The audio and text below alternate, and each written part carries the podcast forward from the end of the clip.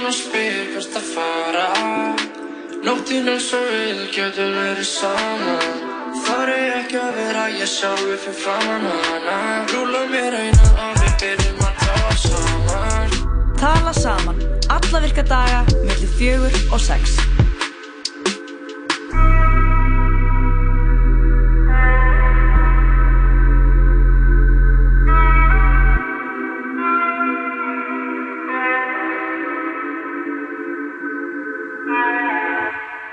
Já, síðlistátturinn tala saman hér á þessum uh, regningar miðugudegi 11. september. Þetta er engin smá dagur hjá okkur í dag og uh, við erum með rosalega dagskrá en mér langar að byrja þáttinn á einu lægi Já, og uh, það er mikilvægt smá, þurfum að finna út einhvern, við erum eitthvað að kveikja á flest, fleiri mækum sko, við erum nefnilega þrjú í dag. já, við erum þrjú í dag og uh, ég held að við þurfum að, já, við ætlum að negla eitt lag og, og koma tilbaka og kynnum dagskrána eftir aðskamastund. Þetta er Mac Miller, uh, hann lést fyrir rétt rúma árið síðan og í tilinu þess að spila lag af blöðuna hans uh, Swimming, þetta er lagið Self Care.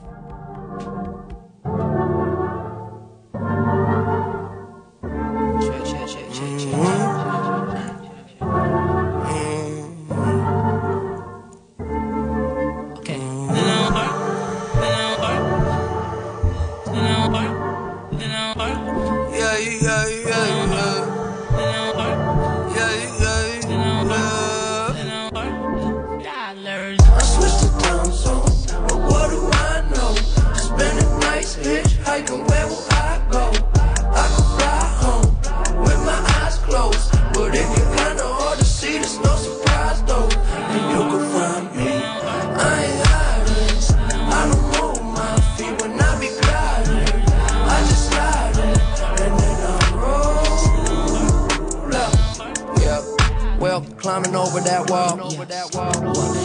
Mm, I remember, yes, I remember, yes, I remember it all. Swear the hype is too tall. So like September, I fall down below.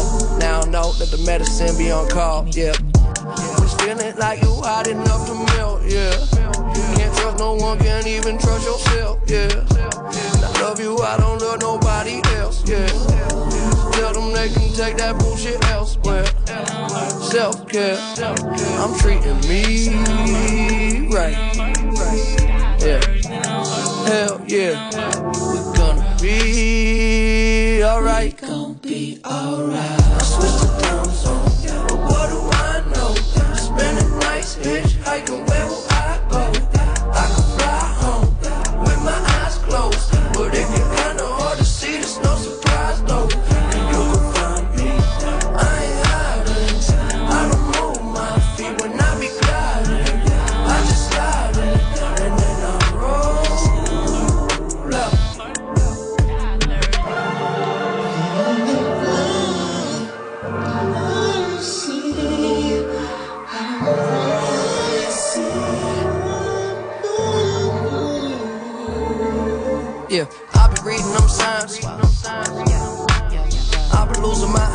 losing my, I be losing my mind. Yeah, get the fuck out the way. Must be this how to play. It must be nice up above the lights and what a lovely life that I made. Yeah, I know that feeling like it's in my family tree. Yeah, that Mercedes drove me crazy. I was speeding.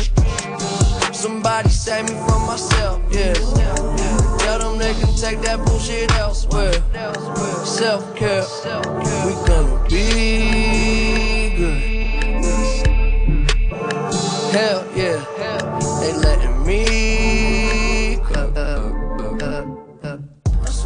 Já, Mac Miller, lagið Self Care af blöðunni Swimming, Æðislegt lag. heldur betur. Nú heyrist ég okkur öllum. Nú hörst ég ykkur öllum Við erum, hérna, við erum þrjú saman í dag, það er mjög gaman að fá að vera með ykkur krakkar. Já, gott að fá þig byrjun. Sumulegis, 11. september. Um, flestir uh, hugsa um tvíbaratörsuna. Já, En fyrir mig er þetta bara ammálistæði mömmu minnar. Ég er bara fagnað í dag. einmitt. Til hamngjum með móðina. Hún er núna nýlangt í bandaríkjanum og heldur alltaf upp á þetta í bandaríkjanum. Eða? Nei, Nei, ok. það væri svona svolítið gott. Uh, ég ætla bara að byggja um óskalag fyrir mömmu mína, sko. Já. En fyrst ætlum við náttúrulega að tala um hvað er að fara að gerast í þettinum í dag. Já, við hérna, ætlum við sannlega að gera það. Það er miðvikudagur í dag, Menninga miðvikudagur. menninga miðvikudagur og við þurfum að taka á þessum stórum málum. ætlum að meðal annars að, já, það verður bíóhótt. Það er bíóhótt, kemdarsjafræðingu þáttarins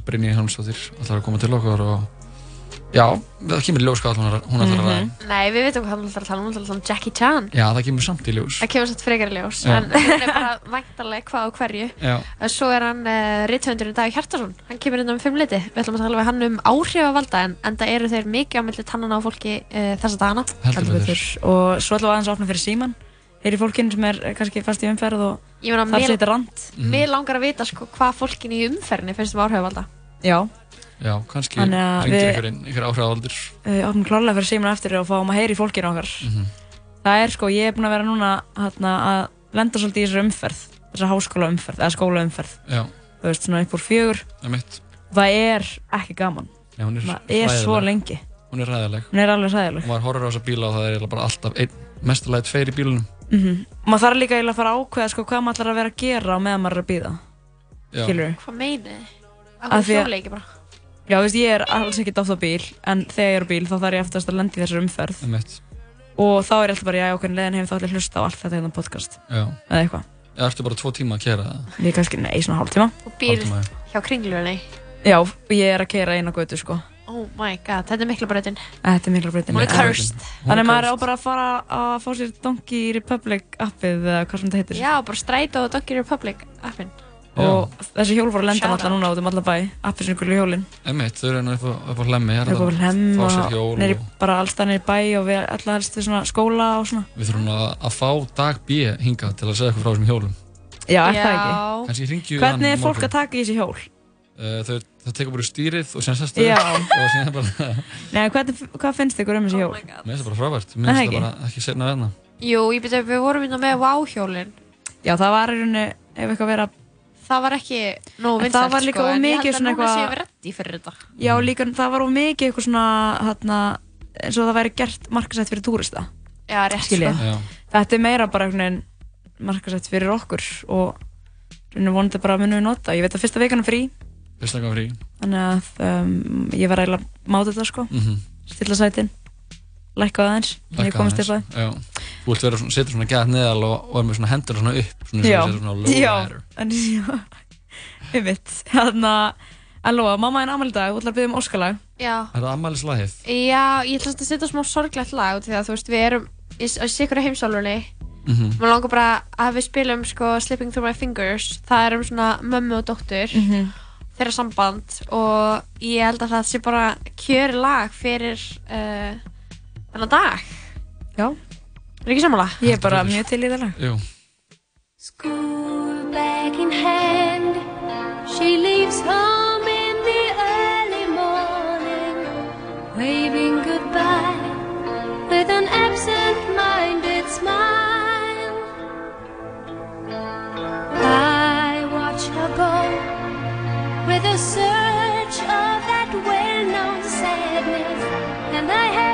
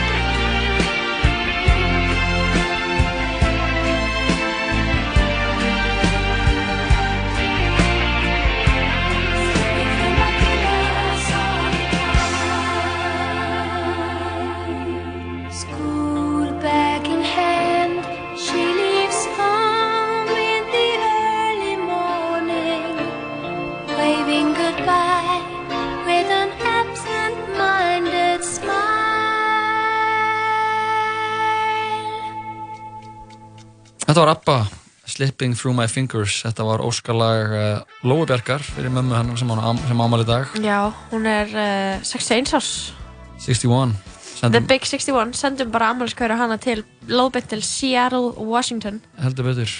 Uh, Sýtisötunum tala saman hér á útarf 101 í fullu gangi. Jóhann Kristoffer, Lóa Björk og uh, Birna Marja verður með þetta kl. 6 í dag. Nice. Og uh, við erum komið gæst, Bimda sérfræðingu þáttarins, eh, Brynni Hjálmsdóttir er sestið á okkur. Brynni, ertu velkomin. Takk. Hvernig hefur þetta? Ég hefði bara príðilegt. Það ekki? Jú. Varstu ánað með þetta óskalag? Ég var ótrúlega ánægð með það. Það ekki? Jú, það var eiginlega bara alveg svona, ég hefði bara ekki getað valið fullkomnuna lag. Nei, þetta var alveg bara on the nose. On the nose. Já, þetta allar konur sem eiga barn eða, eða, eða móður getur tengt við þetta Einmitt. Já, Er það ekki? ég veit, get ekki, get ekki sett til um það. Ég hugsa bara um Mamma Mia að því að í Mamma Mia þá er bara svona tekið- tek- textin í svo leiði Já. og þetta er bara nákvæmlega sett á svið og útrúlega dramatíst Mhm. og þetta er bara nákvæmlega mútið í leiðinu Mhm. Mamma Mia er einmitt ein af svona stórmyndunum Já, Þú ert einmitt komin til að tala um kvikmyndir Já. Hvar myndir þú ranka samt, en við förum yfir í það sem þú ætlar að tala um. Hvar myndir þú ranka Mamma Mia Mamma Mia, Mamma Mia söng, söngleika kvikmyndina með Meryl Streep og hann er þarna Amanda Amanda Si- Seyfried. Seyfried, Seyfried, þú veist, hvar, hvar myndir þú ranka hana, skilur Bara svona eh, á skalanum allar myndir. Já. Já, svona skalanum hvað, hvað sem mikla virðingu á hann að fá Hvað er svo miklu virðing? Sko, En svo ég bara finnst alveg Shawshank, eiginlega... Shawshank Redemption alltaf efst á þessum lista. Nei, nei, nei, nei, nei, nei, nei. Jú. Já, Godfather og Shawshank Redemption er hann efstar. Sko, ég uh, er ekki, heita ekki á Mamma Mia, sko. Nei. Alveg síður en svo, að því að ég, sko, ég elska söngleiki, en ég kann mjög illa við söngleiki sem taka sig of alvarlega. Að því að söngleiki formið er gert þess að vera bara kjánalegt og bara svona joyful og rugglað. Og það er það sem er svolítið gaman við uh, Mamma Mia, því hún er svo mikið fantasía og sérstaklega svona fantasía sko fyrir miðaldra fólk. Já. og þú veist, að því að söngleiki dæmið er bara fantasía, þú veist, þetta er bara svona escape dæmið, þú veist, þú bara, á, bara horfa á eitthvað og það gengur allt vel og allir syngja og svo stund gengur smá illa og þá kemur eitthvað lag sem er í moll og svo gengur allt vel á endanum einhvern veginn, þannig að mér finnst alltaf eins og ef að maður ber hana saman við eitthvað nýja söngleiki svo La La Land eða eitthvað, þú veist, það er leiðileg mynd Já, það er leiðin. Ha? uh, Mamma Mia, það er skemmtileg mynd Já, það En er hérna, satt, sko. en Mamma Mia 2, er, er einhvern veginn að Já. sjá hana? Já, Hún við er- erum bara fín Já, sko nefnilega á, Í fyrri mynd þá var ég svona, jæja Já. En skemmtileg samt sem aður og mikil skemmtileg En við ætlum ekki að tala um Mamma Mia í dag Nei, Við þurfum að taka næstu kemni, þá skulum við tala um söngleiki. já, Söngleiki. Já, ég er til það sko Af Því að ég get alveg, ég á eina mynd sem er svona söngleika myndi mín. Já. Og uh, já, ég ætla ekki að fara út í það núna. Nei, það má enginn vita Nei. Það má Að enginn vita það No one will know. Það er, það er hérna, kap- það er hérna Team America. Já, það er náttúrulega söngleika mynd. Já Já, Ok, sorry, já, þetta var gaman draffi. um, En Brynja, hvað allar að ræða við okkur um dag? Mér langaði nefnilega svolítið að ræða við ykkur um uh, einn af mínum uppáhaldsmönnum bara í heiminum Mm -hmm. uh, kínverska leikara Jackie Chan Mm sem að er bara meiri háttar stærð í bara kúltúr uh, jarðarinnar Já, uh, bara eitt frægasti maður í heimi sennilega saminar vestrið og austrið. Já, sannarlega. Og ég byrjaði sko að kunna meita hans verk þegar ég var uh, lítill og fór á videoleguna og, og videolegun í skerjafyrði þar sem ég átti heima, þá máttu alltaf taka tvær myndir fyrir 500. Ekki bara, þú veist, ein ný og ein gömul, Ég bara, hvað tvær sem er? hvaða tvær sem er, sko. Það er Það er kýr. Sem er mjög góð dýl, sko. En það var alveg smá svona seremóni að ég tók yfirleitt alltaf einhverja mynd sem ég langaði að sjá og einhverja mynd með Jackie Chan. Það var það er Þú ert alveg bara svona mikill fan. Já, ég horfði bara á sömu myndirnar bara aftur og aftur Mhm. og þetta var að sjálfsögðu sko e, svolítið mikið náttúrulega amerísku myndirnar hans sko sem að, að því að þær voru þær sem voru til á videoleigunni Einmitt. þannig að þetta voru mjög vonda myndir sumar sko Já, Rush Hour og... Já. ekki tala illa um Rush Sko, Sko Hour ekki í rössa mínu að eyru. verður skást e, einn af þeim skástu það er þetta myndin Tuxedo Já, einmitt. Hún, og Medallion já, The Medallion. já, það eru svona já, Það eru nokkrar hana, alveg... einmitt plotti samt, ég held að það sé frekar einmitt Tuxedo en Medallion hefur eitt besta bara svona vondukalla plott sem bara ég hef séð Mhm. það er vondukallin í myndinni hann ætlar að eiðalega heiminn með því að sitja á markaðin vatn sem að þurrkar þig upp í staðin fyrir að sko svala þorstæð og svona þornar upp til dauða Bara eins og áfengi þá. Mm, Já, nema bara miklu meira sko. Já, og það er fyrsta. Fyrsta senan er bara svona gaur sem bara mm, fær sér svo vassúpa og svo bara svona verður hann svona að svona múmíu og svona augun í honum svona, svona verða svona litlum rúsínum Já. og eitthvað Ah, en já, hann sko svo ég byrja nú á byrjunni það hann er fættur 1954 Mhm. uh, í Hong Kong og hann uh, hefur sko uh, hann, hann hún gekk ekkert eitthvað svakalega vel í skóla hann var mjög orkumikill uh, ungu maður eins og ungu maður kannski geti búist við. Uh, og fóruður hann senda hann í hérna, í svona drama og óperuskóla þar sem hann læriði klassískan Ok. söng. Og saman tíma var hann að þjálfa sig í barndagalistum og uh, og svo kom hann svona fram svolítið í nokkrum myndum sem svona áhættuleikari og, og svona bara í bakgrunnum eitthvað svona ekstra og var í einhverjum myndum með Bruce Lee til dæmis sem var náttúrulega bara sá stærsti þú veist, þarna þegar hann er að byrja. Og síðan svona by- byrjar hann að fá tækifæri til þess að vera sko aðalmaðurinn í sínum myndum. Og þá vilja þetta svolítið hann sko fylla upp í þetta Bruce Lee mót. Sko. Bruce Lee er náttúrulega bara svona ofurhetja. Þú veist, hann er bara svona sterkur og hann er hjartarhreinn þú veist, og, og hann er bara svona bestur þú veist. Uh, en síðan sko uh, byrjar í Jackie Chan þróa svolítið svona sína eigin persónu sem er meira svona likeable gæi sem svona óvart lendir einhvern veginn í einhverjum aðstæðum og reddar þeim oft bara svona óvart. Mhm. eða svona þannig að það verður svolítið svona hans þing sko. Og eitthvað svona fyrsta myndin hans heitir hennu frábæra nafni hérna, eða svona fyrsta sem hann var svona aðal heitir hérna, Snake in the Eagle's Shadow.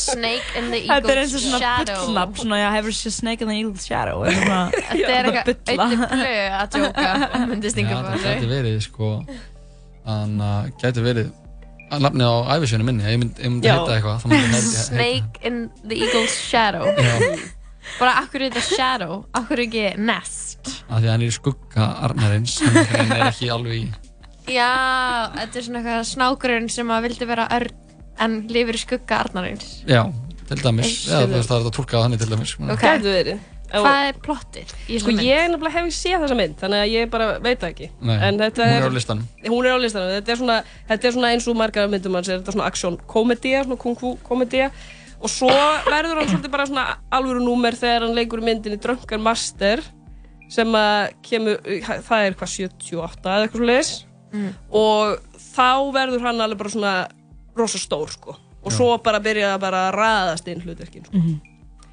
og það, svo mynd gengur út á það að það er einmitt svona gaur sem er svolítið mikið, mikið bara svona nobody sem að svona svolítið óvart einhvern veginn hittir uh, svona náunga sem er svona kung fu meistari í, í einhvers konar formi af kung fu þar sem þú þarft að vera fullur til þess að hérna, vera góður í því. Ok. og það er náttúrulega búið að fyndið og, svona, og það eru svona nokkur svona, svona tricks einhvern veginn sem að hann svona lærir í gegnum myndina og svo er loka bardaginn sem er, þetta er mjög svona, svona klassísk kung fu örk sko, að það er svona fyrst sjáum við kannski, það eru fimm vopn sem eru kröftugustu vopnin í Kína eða eitthvað svona, það eru fimm hérna bardagarheyfingar sem eru kröftugastar. Og svo svona í loka bardaganum þá er svona bardagi þar sem að þetta sameinast allt. Já, allir koma saman. Já, all, all, allir þessi, all þessi tricks eða þessi vopni mm. -hmm. kom saman. Og það er oft líka bara svona stendur á skjánum. Þú veist, nú kemur þetta. Eitthvað svona öndin eða eitthvað og þá er það svona framkvæmt Mhm. Já, eitthvað, kemur bara upp á skjáin bara kemur upp á skjáin bara Já. svona eins og bara svona kennsluvídeó Já, já, já, já, Já. ok en það er mjög góð mynd og hún Já. er á Netflix Ok, Já. Ok, ok. maður þarf að tjekka henni Mhm. En hvenær fer hann svona yfir í hann að hvenær meikar hann að er, er þetta, þetta er ekki ameríska myndir, þetta eru Nei. kýmverska myndir Þetta eru kýmverska myndir sko og hann er einmitt að gera myndir í Hong Kong og, svo, og einmitt verða líka kannski þar sem hann er svona frægastu fyrir og líka það sem margir hafa kannski séð svona í vestrana heiminum er hérna Police Story sem er svona seria sem hann gerði þar sem hann er einmitt. og, og hérna er að berjast við alls konar fanta og síðan er það held ég, já það er í 80s þá fer hann til Hollywood og það gerir hann myndina The Big Brawl uh, sem að svona, var ekkert einhver svona mega hittari en fekk samtala svona allt í lagi umfjöllun eða þú veist, ef hann sjálfur Jackie Chan fekk kannski eitthvað svona hann var ekki svona stjarn af því sko. Nei. en síðan er það eiginlega og hann fer svona aðeins aftur bara til Hong Kong og, og heldur áfram eitthvað með Police Story og það dót sko. Og svo að 95 fer hann aftur til Hollywood og gerir hérna Rumble in the Bronx. Og það er mynd sem að var alveg bara svona var svolítið stór sko og verður svona, svona köld hittari sko. og svo kemur Rush Hour 98 og þá verður hann bara aðalmaður Já, the bee's knees. yes, the bee's knees Mér finnst rössaðmyndunar mjög góðar sko. Er ég einn þar eða? Ég var alltaf, ég átti rössaður og var alltaf að horfa á hana með bráðum mínum Svo horfði ég á hana með kærastanum mínum fyrir nokkrum árum þegar við vorum út í Japan Var eitthvað mood, horfa Já. staðan fyrir að fara bara út í Tókjó og lifa lífinu já, já. og komur óvart hún hann eldist fyrir ekki ítla Já, Nú. en Já. hún- er samt vibes En það eru sko. til þrjár myndir það ekki? Er ekki til þrjár rössaðmyndir? Jú, eða er fjórar. ekki, Já, er ekki fjórar. rössaður tvö best eða? Já, ég er nefnilega, sko, einmitt, það eru svolítið langt sinni horfði á það, sko, en ég menna ég horfði allavega á kannski svona eitt og tvö alveg svona, þú veist, 50 sinnum með eitthvað Já. og hérna, en einmitt, ég geti eiginlega ekki alveg sagt um hvort það er eldist vel eða ekki, sko. Nei, Ég held að við höldum áfram að spjalla um Jackie Chan eftir öskum stund. Já. Fáum eitt lag. Og uh, já, við mælum með að þú kjæra hlustandi að þú hrefið ekki neitt. nei, Færið ekki með sett. nei, ekki missa af orðið sem að Brynja segir Nei. En fyrst við hann að ríhönni vingun okkar af plötunni Anti, lagið Desperado. Desperado,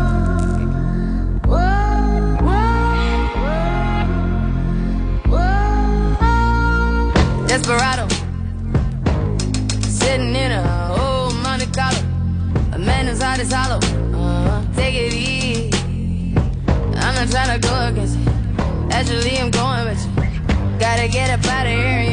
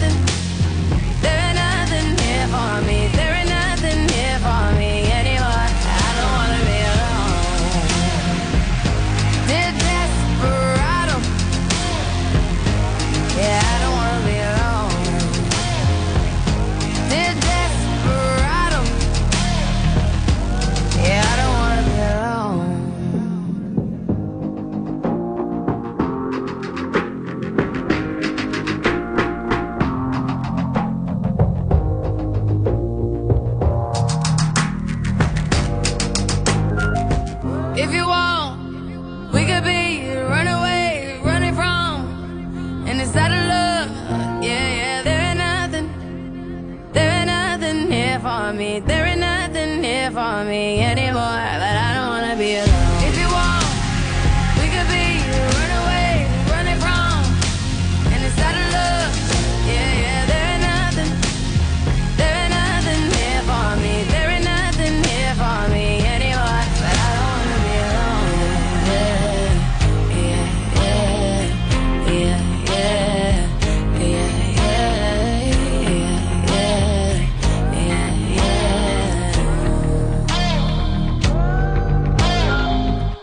Já, Nýrit Me, nei ekki Nýrit Me, Desperado með ríhönni af plötunni Anti. Við erum að spjalla við Brynju Hjálmsdóttir, kvikmyndarsjárfræðing þáttarins og hún er að segja okkur frá Jackie Chan. Hann Já. er, þetta er ótrúlega ferill sem þessi maður hefur átt. Já, sannarlega Mér finnst það er líka svo epist þegar einhver saminar austrið og vestrið. Mér finnst það bara eitt og sér vera afreg. Það er rúilega alveg svakalegt sko. Það eru ekki margir sem hafa gert það. Nei, þú veist, það eru nokkri náttúrulega, sko, þú veist, Bruce Lee, svo sem gerði það, Já, sko. já. Og það eru svona nokkrir sem hafa svona farið yfir þessi mörk, sko. Og það er þá helst samt inn í þessu svona, svona þessu kung fu sjálfra, Já. sko. Jet Li. Já, Jet Li. Og sen er það líka náttúrulega sko, það sem gerist líka er að þegar það eru íþróttafólk. Já. Þegar það, það getur líka gert það. Eins og ég man bara að það var gæi frá Kóriu í Manchester United sem heit Jisung Park. Mhm. Og það var alltaf bara seldu svo marga treyjur með Jisung Park. Að því að hann saminnaði austrið og vestrið. Nákvæmlega. Og einmitt, Jack Chan, hann hefur mikið uh, gaman á fótbolta. Að það? Hann heldur með Manchester City. Ok, vá. Og uh, Englandi og Hong Kong. Vá, Sama og ég. En sko, þú sagðir að hann hefði hérna verið eitthvað svona í barndaglistum. Já. Var hann, þú veist, ég veit að hann var hann í Karate Kid myndinni. Já. Og þá var hann eitthvað svona mentor. og Þessari hann var nýju? svo góður. Já. Já. Eða sem nýju, hann kom, 2000 og eitthvað. Já, einmitt. En, já, nýri. Endurgerðinu með- já. En hann að, þá er hann eitthvað svona mentor og ótrúlega góður í öllu. Var hann með, með er Karate grunn þá? Sko, ég hérna, veit ekki nákvæmlega sko, hvenar hann byrjar að æfa barndagalistir. Ég held að hann hafi kannski ekki gert það alveg frá því að hann var bara pínulítið barn. Mhm. En hann byrjaði allavega á því sem svona ungu maður, sko. Já. En hann er líka sko, þekktur fyrir, það sem er kannski, það sem hann er þekktastur fyrir, uh, er að vera með ótrúlega svona áhættuatriði. Já. Og oft svona, svona tricks í gangi. Já, sem að framkvæmið sjálfur eða ekki. Jú, sem að hann er þekktastur fyrir það og hef, hefur einhver Guinness heimsmeti í því, þú veist, mestu hérna áhættu atriðin, það vil ekkert tryggingafélag tryggir framlýslunar hans til, annað því hann er alltaf með að sigla en, hérna, en hann er sko veist, hann, er örgla, hann er ekki besti kung fu maðurinn. Veist, hann er ekki mesti svona mestarinn ekki eins og Bruce Lee var svona veist, mestari skilur Mhm. og hann lærði hjá þú veist, Ip Man Ip Man er mjög svona sögufrægur uh, uh, kung fu maður. Og það er til uh, þrjár bíómyndir um hann sko. Já, ok. uh, sem uh, ég hef séð fyrstu myndir og hún er mjög góð. Og hún er kannski til á Netflix en hún er allavega mjög góð. Og hérna uh, en já, ég held að, þú veist, hann er náttúrulega bara rosa flinkur en hann er Já. líka rosa flinkur í að svona, einmitt, sitja upp einhverja víra og þú veist, hann, hann fljúi um loftin og þú veist, og gerir eitthvað svona crazy dót, þú veist Gera svaka hljóð og, og, og svipi og... Já, og eitt af fræðast náttúrulega, eða svona þekktast sem hann hefur sko gert var að hanga úr svona, hvað heitir það, svona, svona Krana. Nei, hann hjekk úr svona reypi niður úr þyrlu sem var actually á flugi eða eitthvað Oh my svona God. sem er alltaf bara eitthvað Okay. algjörþrugl Ég verður ekki að trættu mig að ég myndi svona sogast upp í spaðana og svona Já, og þetta, já, þetta er held ég í, eitt- þetta er í einhverja hérna, story myndunum þið getið bara farið á YouTube sko. Já, Shit. síðan alltaf líka myndir sem við erum ekki með að nefna eru hana, Shanghai Nights og Shanghai Noon. Það er náttúrulega eiginlega það sem ég ætlaði að nefna næst sko. Að því við vorum að tala um rössáður Mhm. og svo er þetta næsta stóra Mhm. Þú veist, ég bara var að mynda að rifja þetta upp bara hvað rugg eru þessa mynd hverju datt þetta í hug það var svo skrítið dót í gangi hann í kringum 2000 þú Já. bara að gera svo weird actionmyndir eitthvað svona 2005, 2006 Já. var alveg það voru skrítnar ákvarðanir teknir. skrítnar sko. svona vestra kung fu buddy komedía Já, með Owen Wilson og Jackie Chan já, er þetta ekki periódumynd? jú, Eða, veist, þetta er svona perióda sko. Já, og hann er bara, þetta gerist bara í vilda vestrinu og, já og hún vil sem bara, hey, how are you, wow. en hvað er ekki, þú veist, er ekki á svipum tíma sem til dæmis Wild Wild West kemur út Uh, jú, ég held það sko. Þú veist, er Það er ekki svo skrítin mynd það er ein skrítið mynd sko. Þú veist, þetta er eitthvað svona Jú, þetta er svona algjör svona, já, hún kemur, 90 hún kemur þetta alveg 99 sko, Já. hún kemur hann rétt fyrir en samt. Já. Það er eitthvað svona, eitthvað svona bræðingur af öllu því sem töff þykir vera. Já. Bara geimverur og kúrekar og uh, alls konar hana, slagsmál og hasar og, og hana, rómans og jú, þetta, það, það var eitthvað svona ne- nett manni í gangi í Hollywood á þessum tíma. sko. Ég held það sko, þetta er eitthvað alveg stórfyrirlegt sko. En svo- þetta var náttúrulega mjög vinsælt og Já. skemmtilegt Þetta þótti manni mjög áhugavert Já. sem krakka. Já, var, sko. var ekki bara þú veist eitthvað svona ný öld að hefjast og fólk svona eitthvað, hva- eitthvað hvernig ætlum við að hafa þetta? Eitthvað, við þurfum eiginlega að finna eitthvað stíl Já. fór bara í, fór í eitthvað byll bara En síðan alltaf hefur hann talsett líka mikið, sko, að skoða IMDb síðan hans, Já. hans Jackie Chan, hann er með alveg svona fjögur, fimm, sex verkefni á ári Já, alltaf. hann hefur leikið 150 myndum, eitthvað svona cirka það sko. Já. En, en já, þetta er held ég alveg algjörlega svona cirka fjóra myndir á ári sko. Já. Er einhver annar sem er með þessar tölur? Kanski Nicolas Cage? Já, það er náttúrulega, hann er annálaður fyrir að vera svolítið duglegur sko. Já, hann leikur í svo mörgum En ég held að sé ekki nema, en sko þetta, kultúrin í þessu er öðruvísi í Bollywood og í Suðustrasju þá er þetta öðruvísi sko. Þú veist, það er eins og leiksturinn, þú veist, það er hérna, Takashi Miike sem er hérna japansku leiksturi Já. sem er þekktur fyrir nokkra myndir eins og Ichi the Killer og Audition og þú veist, hérna sem eru svona, svona body horror uh, hérna Ógeðslega myndir, Já. Ói, bara. en sá, maður sko, þú veist, hann er þekktur fyrir ég myndi segja svona í vestræna heiminum og inn í svona horror samfélaginu er hann þekktur fyrir kannski sex bíómyndir, en hann, hann er, að, er leikstjóri sko, og hann er að gera svona þrjármyndir á ári sko þú veist, hann hefur gert svona 200 myndir Oh my god. þú veist, þannig að þetta er eitthvað annað vinnusið fyrir í gangi skilur. Já, fólk er að gera mjög mikið sko. Ert, já, það er bara eins og þú, er, þú ert að gera þetta leikari eða leikstöru og þá ertu bara að leika eða leikstýra alltaf. alltaf, alltaf. og Jackie Chan er náttúrulega líka bara þú veist, allt í öllu líka því að hann sko, þú veist ég hef heyrt það frá fólki, sko, ég veit, hef eitthvað svona, svona staðfest, en ég hef heyrt það frá fólki sem hefur ferðast eins og í Kína, þú veist, að andlita á hann, þú sér það við það, sko og auglýsingum fyrir allt mögulegt, þú veist, bara fyrir súkulaði, fyrir, þú veist, núlupakka og, og hann er líka oft svona talsmaður í alls konar herrferðum, þú veist, á móti eiturlifja, neyslu og Hann er svona þeirra saga Garðars. Uh, já Það er, Þeirra saga þau, hafa verið borin saman á Einmitt. Það er ekki fyrst til að gera hann samanburð.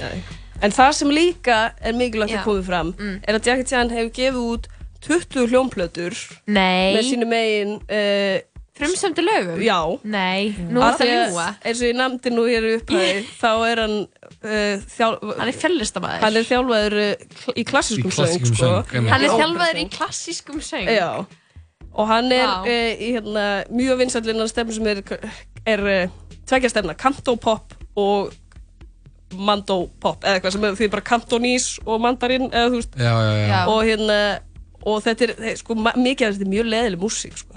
þetta er svona mjög dramatísk svona ballöðu Verð, verðum að fá að heyra tóndæmi samt sem áður, enga sko. síður Það það verður að heyra tóndæmi. heyra hvernig þetta hljómar Það draði hann upp eitt lag með Jackie Chan.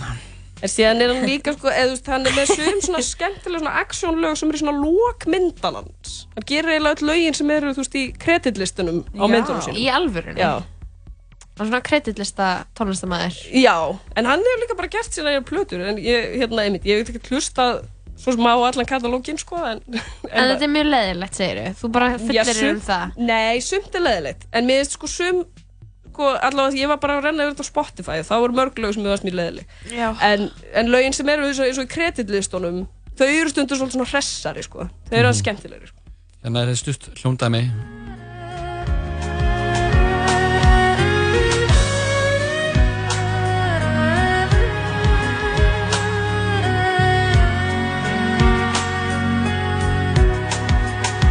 我曾想一路的往上高飞，要登上传说的世界之巅。我不怕所有困难艰苦的考 Já, 验。 fallir rödd, Já, Jackie Chan við vorum að heyra hljóndæmi af uh, söngleikarans Ja- og söngvarans Jackie Chan sem uh, kemdarsjárfræðingu þáttarins Brynja Hjónsdóttir var að segja okkur að hefur gefið út yfir 20 hljómplötur Já, á þess að það Vá. leikið í hvað, 150 myndum? Mhm. Þetta er eitthvað smá tölur sem maðurinn er að safna í. Þetta er ótrúlega þölur sko. þannig að já, og gríðarlega afkastamikill. Já. Gríðarlega. Og ég benda líka einmitt hlustundum á að þú veist, þetta er náttúrulega svolítið kannski mikið svona stórt verkefni er alltaf til dæmis ef þú ætlar að fara að ráðast á katalógin sko, horfa á allar myndirnar, þetta er marga myndir og svona, það eru nokkra myndir sko á Netflix sem er svona svolítið skemmtilegt svona úrval sko, það eru, það eru svona tvær, þrjár svona early myndir, það er Drunken Master og mynd sem heitir eitthvað svona Flying Tiger eða eitthvað svona sem að ég hef ekki séð. Og svo er einmitt hérna myndin Tuxedo og einhverjar svona skrýtnar svona Hollywood myndir sem hann gerði. Og ein police story mynd sem að ég hef heldur ekki séð en ég byrjaði hans að kíkja á hann aðan og það er svona mynd þar sem hann er svona að challengea sjálf hann segir sko að hann er náttúrulega hann er þú veist typecastar, hann með típu sem er svona, þessi likeable grínlegi Mhm. eh, Hvers- já, bardagamaður Hversdagsmaður einhver. Hversdagsmaður sem að er rosa góður í kung fu og eitthvað svona og- en er samt alltaf eitthvað svona að lenda í vandræðum. Eh, en þarna er hann að leika svona uh, mann sem er svona mikill alkoholisti og svona vö, og vonar völ af því að hann er með svona bömmir af því að eitthvað svona partnerin hans dó sko, hann dó ekki. Já, já, og hérna, já, hann er alveg svona, og myndin byrjar að hann er bara eitthvað svona sulla í sig svona viski og, og ætlar að taka leigubíl og leigubíl sér og bara nei, þú mátt ekki fara inn í leigubílinn og gubbar í leigubílinn minn hérna og ég har mörga daga að eitthvað svona og hann er eitthvað, eitthvað svona þannig að það, þú veist, þar getur er það mynd líka sem gefur svona nýtt ferskt sjónarhótt Já. Þannig að ef fólk vill byrja á Jackie Chan katalógunum þá er fínt að byrja á Netflix og taka svona smá prótaði besta. Einmitt. Einmitt. Brynja, þakka ekki hérlega fyrir komuna. Það er bara gæðast gott að fá að heyra aðeins meira um Jackie Chan. Það hefur kannski ekki alveg gefið hún nóg mikið gaum. Setja smá virðingu á hans nafn. Já, að virðingu á hans nafn. Það er alltaf bara, það, maður má ekki gleyma því að að hann á skilið mikla virðingu. Mikla verðingu uh, Þú varst með óskalag. Já, uh, lagið Smoking Gun með Magnolia Shorey já, þetta er lag uh, uppgötaði um daginn þegar maður minn uppgötaði New Orleans Bounce tónlistasefnuna og hlustaði á ekkert annað en New Orleans Bounce í svona 12 klukkutíma. Þannig að það var hlustun. mikið stuð heima í okkur þar Við tjekkum á þessu, Brynja, þakka fyrir komuna já, takk fyrir mig. Come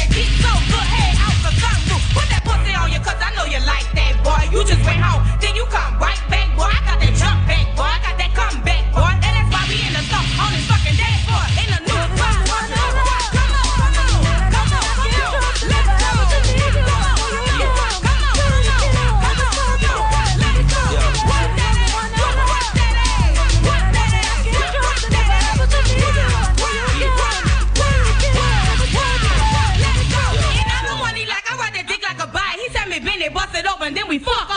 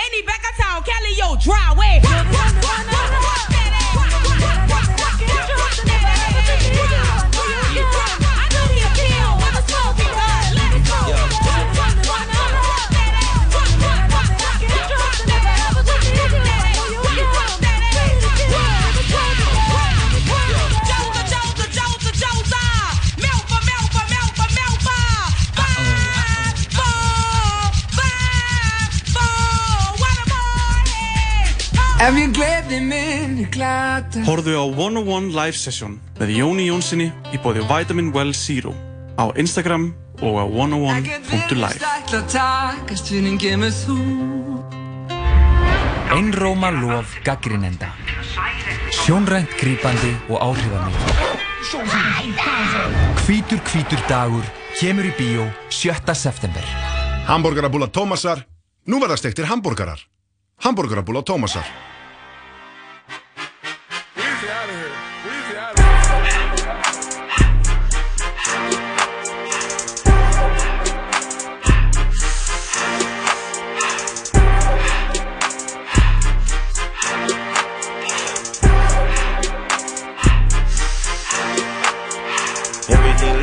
Love when it's hot. Turned to the city, I broke all the notch. Got some more millies that keep me a knot. I created history, it made me a lot. He tried to diss me and ended on Fox. We call him Chaucer cause they gonna chop. Took her out of filers cause her pussy pop. I run it like Nike, we got it on lock. Cardiac. I'm the boss man in a suit with no tie. I can't be sober, I gotta stay high. Me some syrup in the and it's dry. Riding the spaceship like Bunny and Clyde. Don't worry, baby, I keep me some fire. Shenanigans and Birkin, she cannot decide. The ladies Mercedes will go to surprise. Don't sleep on Miss Lady, her pussy a prize. Digging her back while I'm gripping her sides. Digging back back, this ain't regular size. You really fly, we like pelican guys. Bitch, you ain't slick, I can tell her the skies. Upgrade at my wrist, put baguettes in the sky. She think I might sign her and change her whole life. I told her to goggle and work on her highs. Everything litty, I love when it's hot. Turned to the city, I broke off the notch. Got some more millies, I keep me a knot. I created history, it made me a lot. He tried to diss me and ended on Fox. We call him Chaucer cause they gonna chop. Took her out of filers cause her pussy pop. I'm running like Nike, we got it on lock. K, money, K, K, eh, bang, and I'm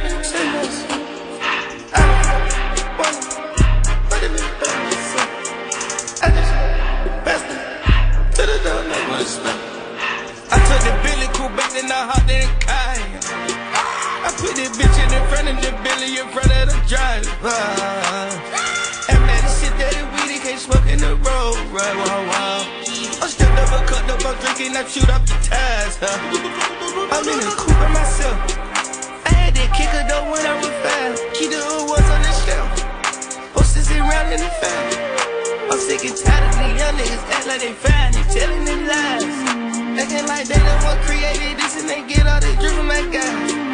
Yeah, Cartier eyes, Cartier coat, Cartier as the watch, Cartier look, Cartier the that. Cartier spent buffalo on the side. Prison cut diamonds, they Cartier, yeah. Cartier bad for the Cartier that.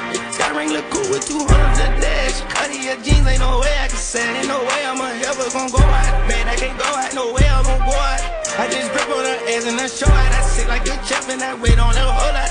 I just whip up a new Chanel paddock. I whip it a bricks and I don't break the door out. Turn the whole top floor to a whole house. Hundred racks and one, two bought the flood out.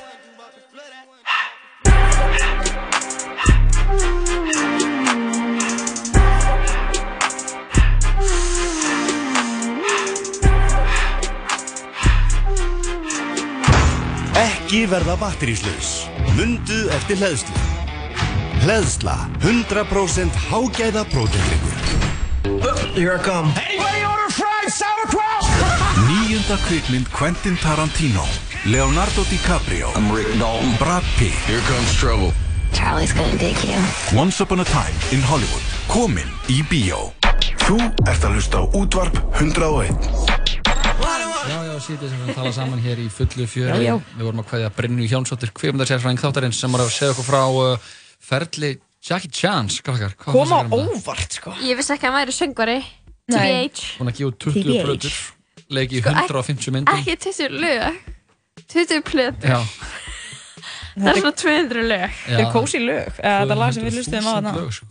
Já, þetta var lagið, sko, við hlustum, fengum svona smá hljóðbrot, uh, lagið Thank You My Love með Jackie Chan.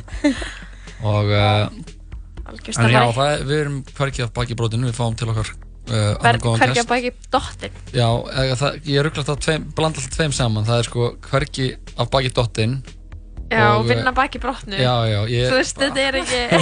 ég er blanda Sko, En ef maður segir ekki nú oft það verður að hluta á tungumálinu. Já, Það er það sem þú varst að gera. og ég er að vinna að því að gera þetta Ég vil sko að. TBH lendi í orðabókinni. TBH. TBH, bara þú veist. TBH Og vibes. Já, já. Skilja vibes á mút og TBH. Shit og fokk er farið í Já, orðabókina þannig að ég, er, við, Ó. ég heldur séum að stefna á hérna Íslensk orðabók 2020 Mhm. TBH En, er komið í Já, orðabók. og maður eigi að segja það svona bara. Maður á að segja TBH. En maður skrifar TBH bara. Já, TBH. Já. Mér finnst bara TBH miklu glóðara. Nei, TBH. TBH. TBH. TBH. Ég og Jón öllum mikið, en ok, við erum fara úr orðum yfir í eitthvað allt annað. Já, Úr yfir í orðum eitthvað allt annað. Yfir í borð, eins og eitthvað stað. Já, já, já, Já, já, ég- algjörlega. You're a genius. Herri, nú um, já, hefur sérstakur svona, hvað getur við sagt, slúður, blaðamaður Slúðursérfræðingur. Hún Birta Líf sett saman svona lista af gjöfum sem að Kanye West hefur gefið Kim Kardashian, konunni sinni, Mhm. gegnum tíðina. Mhm. Þau eru búin að saman síðan 2012. 2012, ok. Hvað er sjö ár? Giftu sér 2014 Já, og eru, vist, bara, mjög glöð. bara voða glöð. Já. Þau eru bara alveg rosalega glöð. Já, ég held að þau séu bara mjög glöð. Þeim liði bara vel. Þeim líður bara vel. En allavega, þarna hún tók saman alls konar gjafir og þetta er svona, þú veist, málið er að þetta er ekki bara eitthvað svona, ah, geðveikt dýrt þetta og Nei. geð dýrt hitt. Heldur, þá er þetta oft svona frekar persónlegt. Þannig fer oft jú. svona, já, þetta, er- þetta er allt mjög dýrt, en meina, þetta er ekki bara svo típisku stjörnur að gefa makar sínum einhverja dýra hluti, þetta er alltaf eitthvað svona smá vinna á baku þetta. Já, búið að leggja, já, búið Og- að pæla í þessu. Já, og Birta er einhvern veginn að tengja þetta allt saman og, og alls konar. En til dæmis, þá um, árið 2012, þá gaf Kanye Kim svona lítinn teacup Persian cut. Uh, já, svona kísu. Svona litla kísu. Pers, pers, pers, Uh, persa kísu. Teacup Persian, já. Og kötturinn, hann hétt... Já, hann dó nefnilega strax, hann var eitthvað veikur Vá. og svo hún líka með ofnæmi. Vá. En Hann er að pæla mjög mikið í þessu. allavega, og þetta var, þetta var, þetta var ekki svona mikið svona pet-dæmi í gangi, þannig var þetta bara sætasti köttur í heimi. Hann er bara, þetta er eitthvað vennilegur loðin hvítur köttur. Þetta er ekkert eitthvað svona, ah, Næ, en þarna þótti þetta voða, voða smart. Um, eitt sem hann gerði líka einu sinni, það var að hann gaf henni tösku sem að kostar eina og hálfa miljón Sem var full eða meira ber, en af Hann, hlóðnum ekki nóg með það. Hann kipti hana af Peter Kernan, víst. en ekki nóg með það að gefa henni bara töskuna þá heldur Bróðurstór. þá leta hann líka hana, listamannin George Kondo mála töskuna og Já. þessi listamæður sami hefur gert svona cover fyrir hann fyrir svona My Beautiful Dark Twisted mm Fantasy. Þannig að hún fekk ristóra tösku með listaverki á. Mm, þannig að og fólk veit ekki og það er ekki hægt að gera sér grein fyrir hvað þessi taska kostar Nei, nei, nei. mikið í rauninni. En mjög mikið. Já, dýrt taska. eitt skrítið sem að ég, mm, ég, ég myndi ekki vilja fá þetta í gjöf sem að hann gaf henni hérna árið 2014 á mæðradaginn. Þetta var fyrsti mæðradaginn sem hún upplifir sem móðir. Mhm.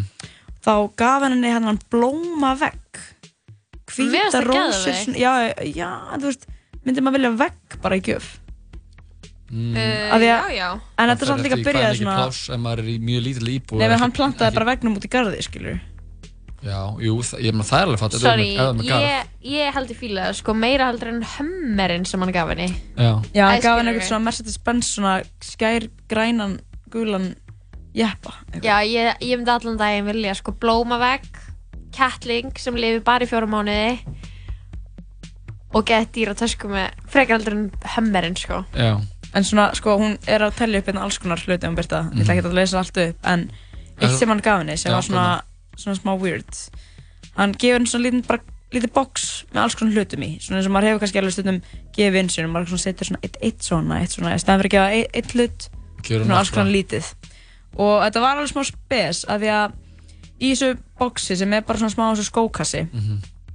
Þar var eitthvað svona Mikka Mouse bánsi, Apple AirPods 1312, Adidas sokkar, Netflix aðgangur Mhm. eða eitthvað unnegn og Amazon gjafabrif. Og maður er eitthvað, ok, weird, þú veist, okkur hann er gefinni AirPods, hún áruglega fullt af AirPods. AirPods. Og þá var þannig að hann var ekki gefin þessa hluti, heldur þá var hann líka gefin hlutabrif Hann keypti öllum þessum fyrirtækjum. Einmitt. Ég myndi þessu. Og það er svo klikkað. Ég myndi persónulega þykja það Já. meir en allt, allir hérna gjafinnar. það er san, svo sannlega gjöf sem gefur. Já, það er bara Við rétt. hefum tekið Ég- ávöxtununa af uh, Já. þessum hlutabröfum og lagt hérna bók. Já, ég, ég hef heyrt, sko, ef maður á hlutabæri, þá getur maður miklu fyrir svona að safna fyrir íbúð og þannig. Já, Einmitt. einmitt. En talandum um að spara fyrir íbúð, þá er eh, sparnaði sérfræðingur á leiðin til okkar. Sparnaðsérfræðingur. Já, áhrifavaldur og eh, skáld, Dagur Hjartarsson. Hann er náttúrulega utanríkisraðanetti strákurinn. Já. Hann er áhrifavaldur sjálfur. Já, hann er hérna, þetta verður allt í bóði utanríkisraðnitsins. Já. Já, þetta var eitt, eitt, eitt langt sponsored innslag en að nú allir gamli sleftu þá ætla Dagur Hjartarsson, rithöfundur að ræða við okkur um áhrifavalda um, Og nasista. Var það ekki líka? en það var svona innan svega Já, já. hann, hann við ætlum aðalega áherslu á áhrifavalda Og við ætlum að leifa, ef við ekki að opna fyrir síman og meðan þessar umræðar er í gangi og sjá hvort að einhver að- já. ætla að koma og Já, hérna, byrjum, byrjum allan að heyra aðeins hvað hann hefur að fá segja. meira hvað hann er að segja og ef þú gerir hlustandi ert svo eitthvað að hugsa eitthvað sem þið langar að, Mátt eða spurningar eða einhverja pælingar sem þið langar að koma með til okkar þá ringir þegar við opnum fyrir síman. og svo er náttúrulega auðvitað DM-in á Instagram opinn fyrir þá sem eru finnir í síma en vilja Já. senda inn uh, pælingu eða spurningu Já, það eru margir sem eru finnir á, uh, í, á, á borði frekar en endilega í orði. Já, Því að menna. ég elska hvernig þú ert búin að þú tekur alltaf eitt svona orðatiltæki á hverjum degi og notar það í sem fjölbreytnustu aðstæðu Já. það er þannig en uh, já, Þetta er ég hann hlaka Jói. bara til að spjalla við hann dag ég, uh, hann er flottur í töndur hann er gefið út nokkra bækur og alltaf að tjá sig á netinu Og gera 20 blöður líka um Gera 20 plötur. Nei, það er lígi, við skulum ekki vera að dreifa hennar fake news Lígi dagsins. En heyri, fyrir eh, sex árum í dag kom út plata með eh, önnur plata hann kanadíska tónlistamannsins The Weeknd. Helgin. Eða, eða Helgin, eins og við köllum hann. Já. ætlum að fá eitt lag af plötunni Kissland, uh, lagið Wanderlust. Síðan fáum við til okkar Dag Hjartarsson eftir að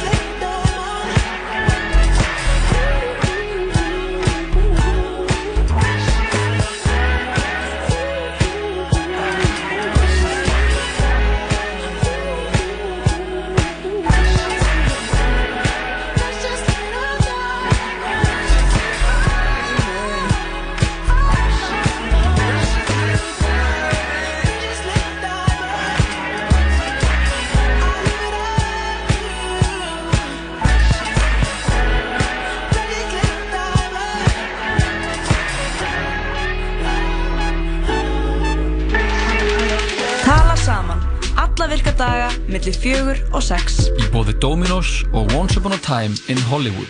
Komin í bíó.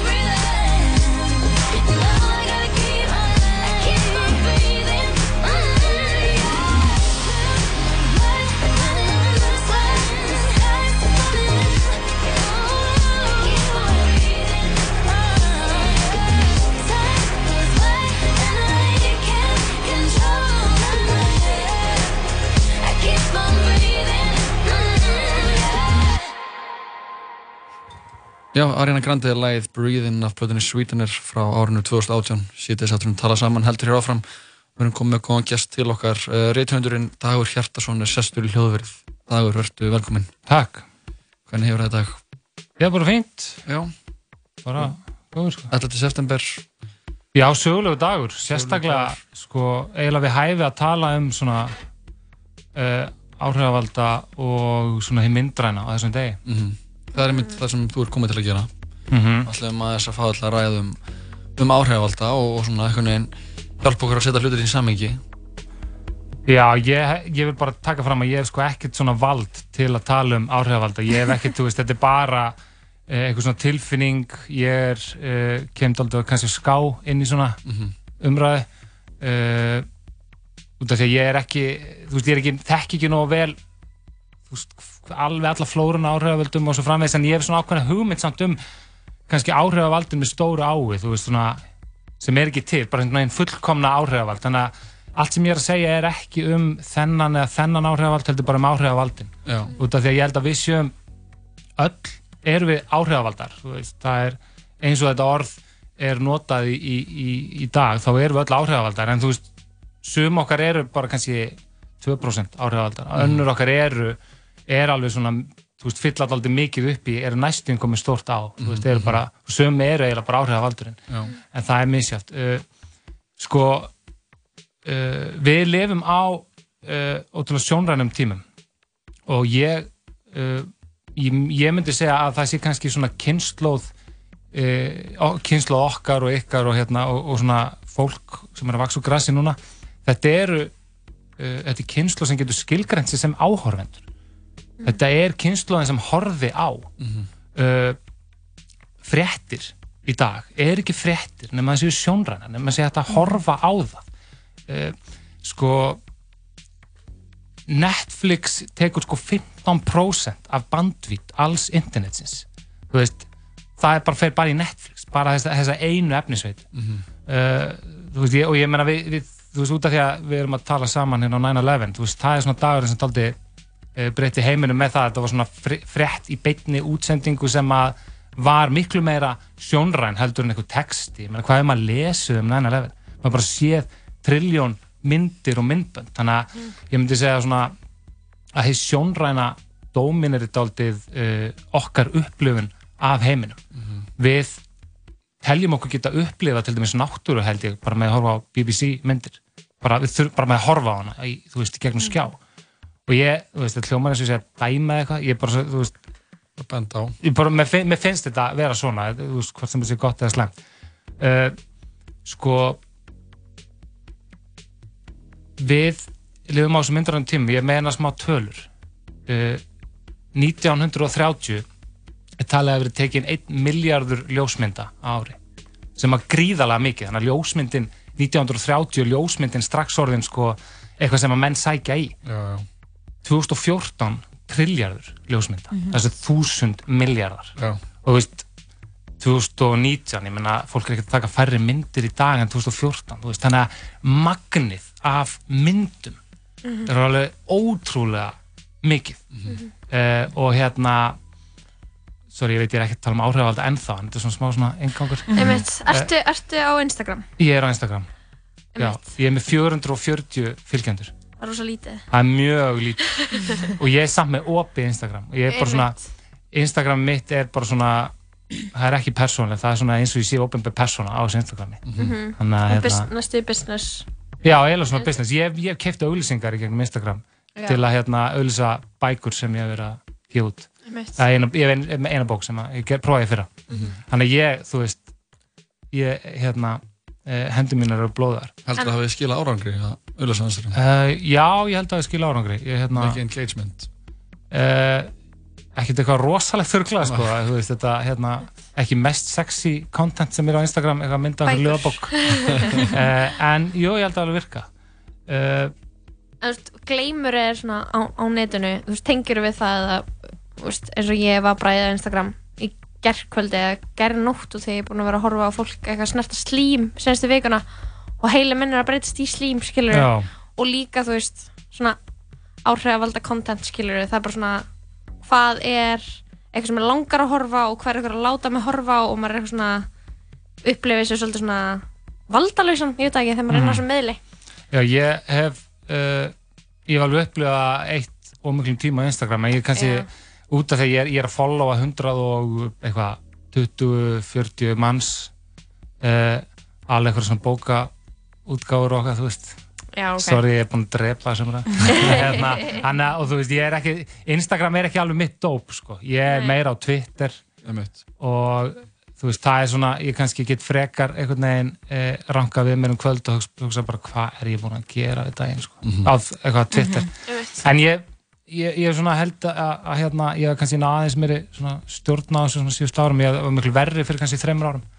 Þannig en, uh, en það er áhugavert þetta sem þú segir, að þú veist, þú ert búin að horfa á slím og bara, þú veist, er heilin á mér orðin slím, því að það er með myndir, þú veist, það er hafa ótrúlega mikil áhrif og það er talað um, sko, þú veist, að við séum með svona, það sem er kallað stundum svona Gandhi neurons, eða svona taugabóð sem eru svona samlíðunar eh, taugabóð, þannig að ef við horfum á eitthvað gera eitthvað þá, þú veist, upplifum við það eins á sama hátt og sá sem er að gera það Já, ok. og hérna sem að tengist líka þessari áhórandapælingu er að þú veist að við getum einhvern veginn uh, upplifað uh, að við séum að lifa lífinu með að horfa á aðra lifa lífinu. Það er það sem að áhrifavaldar bjóða okkur upp á og pælið til dæmis á YouTube þú veist, myndbönd af fólki að spila tölvuleiki. Þú veist, þú þarft ekki lengur að spila tölvuleiki þú horfur bara á aðra að spila tölvuleiki.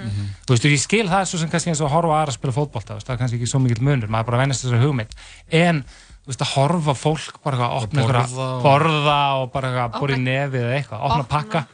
þetta er bara risa yðnaður þú veist, og þarna erum við bara orðin áhöröndur við erum bara ekki að gera neitt en við erum bara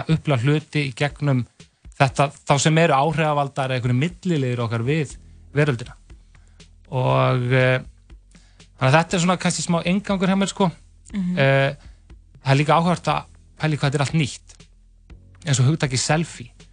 2013 springur það út þegar hérna, og þetta er mjög áhört samengi e, jarðaför Nelson Mandela. Hann deyr 2013 og það er svona al- alls konar hérna, þjóðarleitur náttúrulega mæta þar. Og þar er hérna Helle Smith sem að þá fórsetisvara Danmerkur hún skellir í selfie með David Cameron og Barack Obama og það var myndin af þeim að taka þetta selfie var bara svona væral út af þetta þótti eitthvað svo stjórnmálamenn eitthvað að taka selfie. Og uh, þetta var svona eitt af fyrstu svona momentunum þar sem að þetta sjónarhóttna manneskuna var svona uh, einhvern veginn uh, já, einhvern veginn svona fólk fór að ræða þetta selfie. 2014 uh, selfie sem að Ellen tekur með hérna Bradley Cooper og okkur fleiri Mhm. uh, á Óskarsveluna hátíðin held ég eða, eða einhverju svona velnahátti Nei, Golden Globe eða eitthvað. Já, eitthvað hannig. Það var uh, á þeim tíma uh, mest lækaða fyrirbæri á Mhm. netinu, þú veist, og gæti hugsanlega verið enn. Og það er svona 2013-14 er þetta sjónarhátt líka daldið að byrja, sem er Mhm. sjónarhátt áhrifavaldsins, þá sem er að taka mynd sjálfur á sjálfum sér.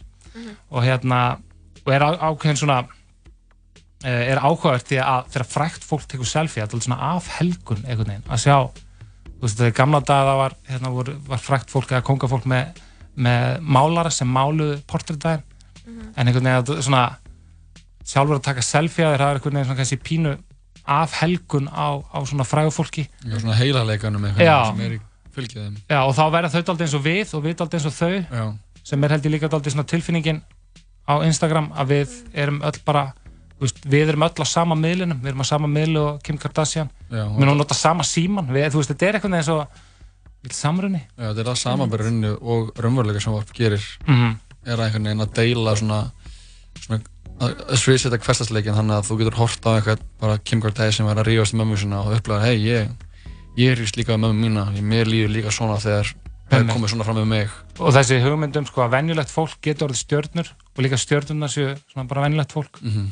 eitthvað svona hugmynd sem að sem að hérna þessi menning býr til uh, 2018 þá náði notendahópum Instagram yfir miljard þess að Mm. accountar þetta er eitthvað eru glaf, þú veist náttúrulega fyrirtæki og eitthvað, rúsnanski bottar. bóttar en samt miljardur Mhm. og þú veist, er að sækja gríðalýsi þær á meðan að Twitter til dæmis 2018 misti hérna, notendur, notendur hugsalega líka einhverju rúsneski bóttar, en enga síður það sýnir bara svona texti versus myndir. Mhm. bara textin niður, myndirnar upp. Eh, þannig að bara svona tímandi sem við lifum á og líka að sko hver er að nota þetta, þetta er allur heimurinn er að nota þetta, það er Indland, þú veist, búið miljardar manna í Indlandi rú- rúmlega miljardur, en það eru að verða 100 miljónir manna tefnilega á, á Instagram, þannig að þú veist einhvern veginn hvað þetta er orðið hvað þetta er að ná, þetta, þessi sjónræðinni miðill er að ná yfir allan heiminn. Þetta er svona flóð sem er bara þú veist, þetta er ekki bara við hérna ríka fólki á Vesturlundum, þetta er bara allir, allir.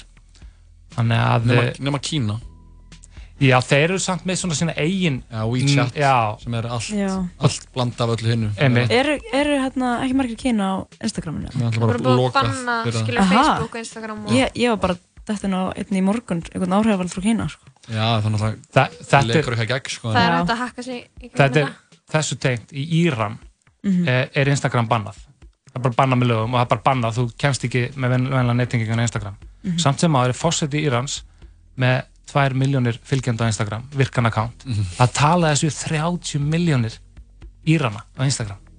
Samt er bannað, þú þarf bara þú veist að hafa smá fyrir því Já, já. svona eitthvað komast fram hjá bara eitthvað VPN þannig að þú veist, í Íran bara 30 miljónir bara hérna eitthvað skráli gegnum Instagram bara dag, er svona að klika uh, ef að, þetta var smá svona engangur Mhm. Að hlusta þetta lag að Hlustum á þetta lag, Ekki. fyrir að tala um áhrifalda Gera það Montana track, Rick Homie thugger thugger in the motherfucker. Rick Homie thugger thugger in the motherfucker. Oh. Rich gang, fucked up, baby. Got like four ounces in the 20, ah. bitch. I'm black. Really, huh? I done did a lot of shit just to live this here lifestyle. Straight from the bottom to the top of my lifestyle. Living life like a beginning, this is only the of and niggas still beginning. Million five on a Visa card. Hundred bands still like some fucking ties. Niggas serving great white like I'm feeding sharks. I won't do nothing with the bitch, she can't even get me high. Something wrong with the pussy. Even though I ain't gon' hit it, I'ma still make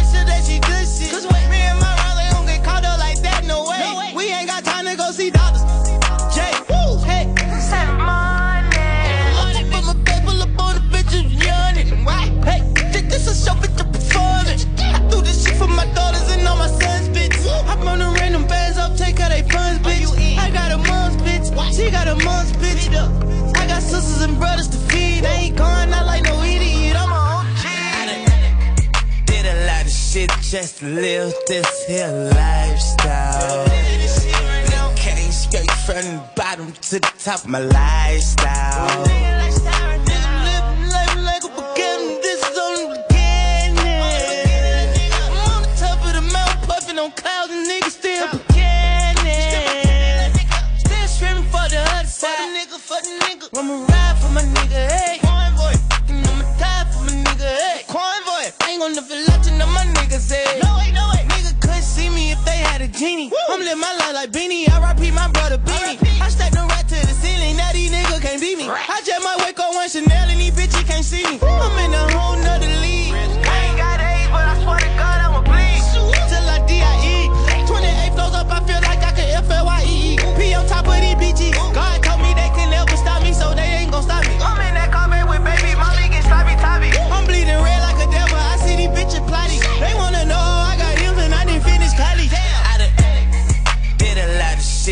Shit just to live this here lifestyle.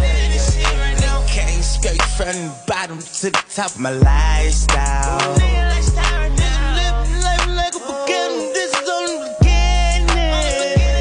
I'm on the top of the mountain, puffing on clouds, and niggas still beginning. I do it for my daddy, I do it for my mama. Them long nights, I swear to God, I do it for the come I'm Willie BB, on my chest in the jungle. Hey, money, home money, I got commas and they ain't good. Sunday through Monday, I been grinding with no sleep. I'm talking about taking something from me like no weed. Double, double, that my brother, brother. You don't want no trouble, trouble. Or you can get these fists knuckle, knuckle. Buckle up like a seatbelt or I shoot ya. Punching on the gas too fast and I lose ya. Give me a bed and I do her. I want a head, Medusa. I swear a nigga gone, cause it's strong, I'm blowing super. Hey, grinding for a new day. I'm skating like that nigga Lupe. Hey, I'm on the top just like two Weed, I'm in her mouth just like toothpaste. Did a lot of shit just to live this here lifestyle. Came straight from the bottom to the top of my lifestyle. so swagged out. Living like a beginning, this is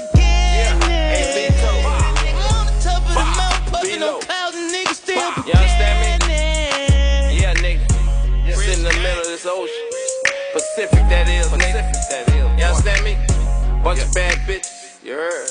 Popping that GTV. You heard. Living that lifestyle. Yeah, I do this for Miss Gladys, boy. 100. Já, þetta voru þeir Young Thug, Rich Homie Quan, Rich Gang með lagið uh, Lifestyle við hendur lag uh, fyrst því við erum að tala við hann Dag Hjartarsson um, Mhm. um áhrifalda eða þú ert öllu heldur svona aðeins að að veit okkur inn í innsýnin í þinn hugar heim þegar kemur að þessum málunum Mhm. Ég er búið með ingangin Búið með innganginn. Það var í meðmálið Meginmálið, já.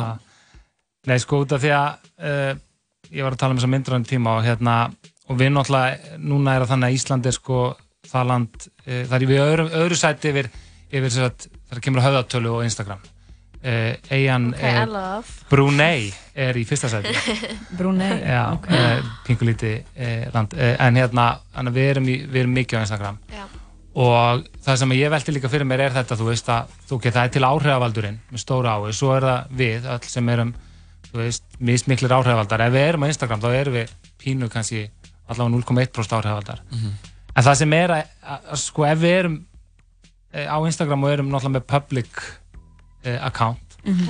þá er sko og erum, erum að spila hana leik eins og mjög margir eru að gera, er ekkert allir þar en það er mjög margir, mjög virkir á Instagram að þá, það sem að gerist er að sko það verður einhvern veginn mörkin á milli prívatlífsins og public þú veist, það, þau afmást. Mhm. og þetta er svo fyndi að lifa í samfélagi þar sem við erum actually með stillingar sem er prívat og public.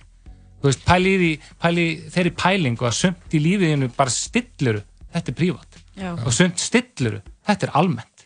Þú veist, reynda að útskýra þetta fyrir einhverjum 1930 þú veist, það myndi aldrei átta sig á held ég bara pælingunni.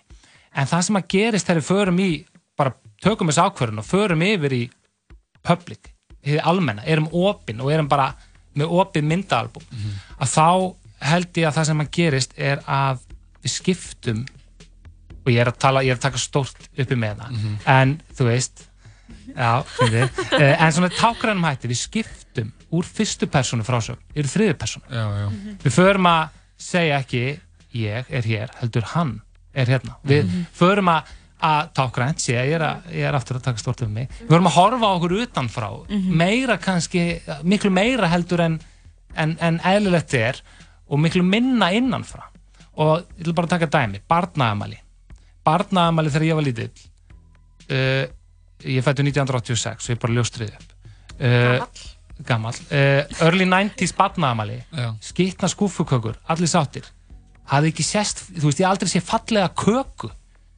Þú veist ég hef ekki sé fallega köku fyrir svona bara á þessar öll mm -hmm. seinta, sko, seinta á, á, á, á sí, síðasta áratug sko.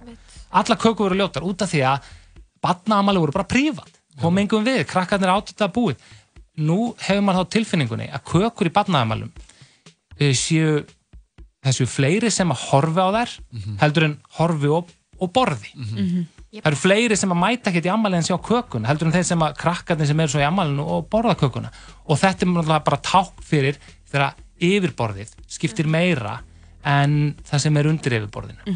Uh, og innihaldi fyrir að skipta minna málu og þú veist, bragðið að kökunni getur jafnvel skipt engum máli. Ég meina við gætum verið að followa það er ekki að vera kaka einu sinni. Við gætum fengið mjög mikið eitthvað sjónrænt út úr köku án þess að hún sé góða bragð. Hún er búin að fullnæga okkur sem áhörend út af því að við erum áhörendur þú veist, þau haldi þeirri myndkværingu áfram.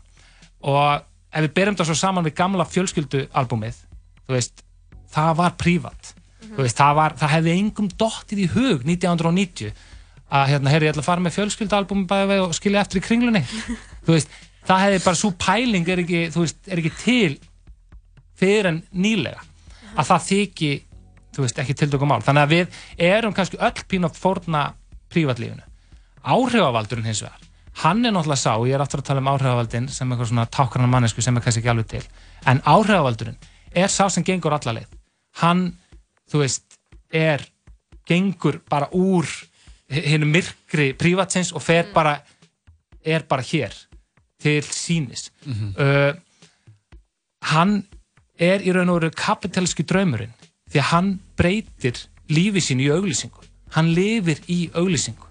Og það, þú veist, það er kapitalski draumurinn því að ef við hugsaum til dæmis um auglýsingar á, á, á, á 2001. öld ég held að síma auglýsingar séu mjög gott dæmi svona ekki um tíðina kannski ekki síma auglýsingar sem þetta fyrirtæki stóð fyrir eh, mjög kalt hana en aðra síma auglýsingar kannski en síma auglýsingar sína ekki síma það sína fegurð og Ja, gleði, og lífstíl. lífstíl fólk með vind í hárinu þú veist, sólbrúnt, ánægt þú veist, það sýnir stemmingu Mhm. og áhrifavaldurinn holgar þessa stemmingu, hann segir líf mitt er þessi auglýsing.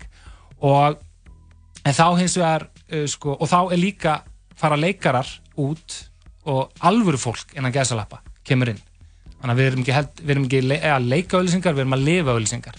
Þannig að maður getur sagt áhrifavaldurinn hann lifir uh, auglýsingar. Og uh, þannig að auglýsingar eru ekki leik, lengur leiknar heldur li, lifaðar en þá getum við sagt sko er lífi áhrifavaldsins, er því lifað, eða er það leikið Mhm. þannig að þú veist, þá verður þessi þessar, eh, þú veist, þessi svona mörk hvað er lifað og hvað er leikið við vitum aldrei Nei. með áhrifavaldin sem að, með stóra ái hann vit, við vitum aldrei hvenar hann er að leika eða ekki að leika og þess vegna verður uh, lífans eh, svona helvítið þarna á milli. Mhm. ætla ég að segja svona tákranum Já, svona, hlut, það er svona hlutverka spenna Já, hann, þú veist, hann er á einskismannslandi. Mhm. hann á ekki uh, sitt prívat, hann á ekki myndaalbumi sitt. Hann er uh, þú veist, hann er eign annara, en hann líka vörumerki sem hann á, en þú veist hann er, leig, hann er leiguliði í kapitalísku uh, uh, samfélagi, hann er málaliði. Þú veist, hann er hérna uh, við hinn getum sko uh, hann þarf alltaf að halda eldunum lifandi. Mhm. við hinn getum farið og bara, herru, við ætlum að fara núna. En hann þarf alltaf að vera með eldin lifandi sem að þá að lokum í þessari myndkværingu þá, hérna, þá brennur hann hlýtur, uh, brennur hann upp. Ef ég er svona neikvæður, þetta er neikvæð sín En er ekki líka smá merkilegt að, þú veist, ef við erum öll eitthvað 0,2% áhrifaldar flest meira. Já, flest meira og og sumi kannski fá eitthvað smá penning fyrir eitthvað sem þeir setja inn og bla bla bla að sumi fá gett mikið penning þannig að fyrir suma er þessi bara svona eins og ok, þegar þú veist ógeðslega frægur í Hollywood þá er allir eitthvað svona, "Ó, það er eitthvað svo erfitt að vera frægur út af því að þú veist þú veist með alla, allt þetta paparazzi lið og bla bla bla bla en þú kannski áttu ógeðslega mikið penning það er einhvern veginn að sama með áhrifalda er ekki einhvern veginn þú veist, sumir hafa ótrúlega mikið upp úr Já, ég, upp úr þessu skilur og eiga pening en sumir eru að þessu fyrir ekki neitt ég held nefnilega mjög fáir hafi jafn mikið upp úr þessu er ættu að hafa því að ég sko eh, ég myndi segja, meina, hvers virð er það að ljá fyrirtæki ekki hæfileika sína sem leikara heldur persónu sína? Mhm. ég myndi segja að það sé gríðarlega mikils virði og það ætti engin að gera það fyrir lágar upphæðir. Þetta, þú veist, ef þú ert að koma fram í auglýsingu sem persóna þú veist, sem, þú veist, það er uh, ég, og ég held að áhrifavaldar í Íslandi fái allt of lítið fyrir það. Allt of lítið fyrir það. Þannig að uh, ég myndi, myndi verleggja þetta mjög hátt út af því að sko, þú ert áhrifavaldur svo kemur stórfyrirtæki og fær aðeins að pissa utan yfir Mm. og þú segir ok, þú veist ég skal taka vel, fæði vel borga, en þessi pissulikt hún getur ennst ótrúlega lengi. Veist, það er erfitt að þrýfa pissulikt úr fötum. Þannig að ég hefur einslu ég veit, hef ekki sko verið áhrifavaldur skilur fyrir fyrirtæki en ég hef leikið undir eigin nafni í bankahælisingu ok, bara Fékkstu- Lóa skilur ætlar að fá sér kreditkort mm. fyrir eitthvað banka. Bara nafnið mitt skilur og ég var bara ung, var að byrja í listnámi ég vantaði pening, gett góð ástæða fyrir að segja já Mhm. við þessu. Og síðan var ég mörg ár en maður bara eitthvað Lóa, bankaölsing nafnið fólki fannst það ógslag fyndi en þetta er bara það var, þú veist, það var bara pyntinga fyrir bíó skilur Já, við, þú ert ekki tilbúin að segja mig hvað fegst borga fyrir þetta máttu kannski Jú, ég get alveg, byrju, uh, allt í allt þá er þetta skilur kringum halva miljón mm. það er ekki nóg Ég eða held að það sé standard þegar það kemur að því að Mm. koma undir eigin nafni í Já. banka, fram í Mhm. Ég held að það sé svona þar. með banka líka þú veist, þetta eru stopnarnir sem að ve- 500 skatt fyrir banka það er ekki hægt að koma auga á það í bókaldinu það er svo lág fjárhæð Einmitt. þannig að- þannig að hérna og þegar að andlit þitt getur sko komið bara nokkrum í viðskiptum við landsbankan sem að verða þar kannski alla æfi með húsnæðislán Pointi í þessari auðlýsingu var að fá ungt fólk til þess að fá sér kreditkort Já, Já, akkurat Úff. Erum við að fá eitthvað? Árum við... Förum yfir í Endilega. Ok. Við heldum að fara að spjalla við Dag Hjartarsson og, og að krifja hlutandi merkjar eftir eitt lag. Þetta er Kanye West og Gunna, nei, Travis Scott og Gunna, lagið Yosemite.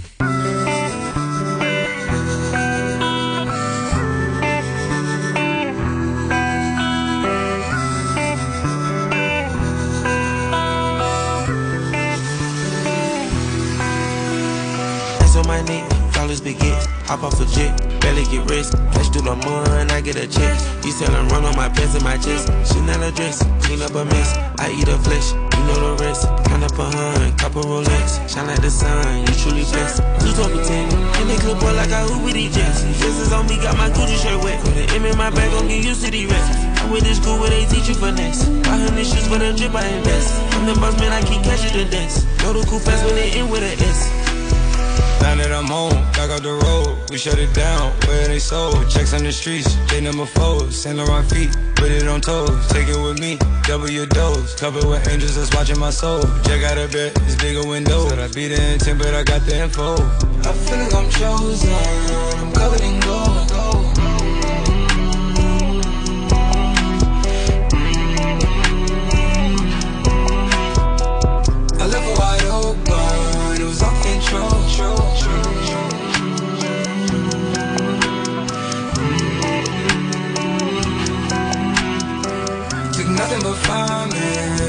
Drove, drove, drove.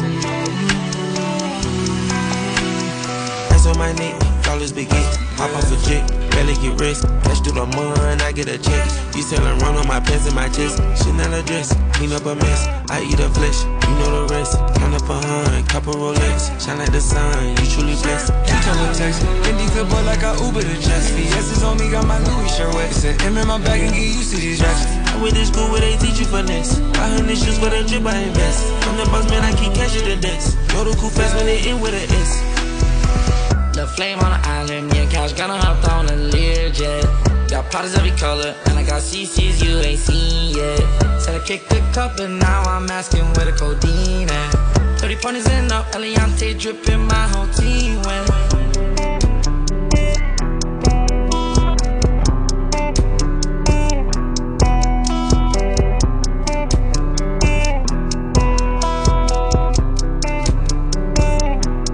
Millifærðu gagnamagn á fjölskyldu eða vini í neyð.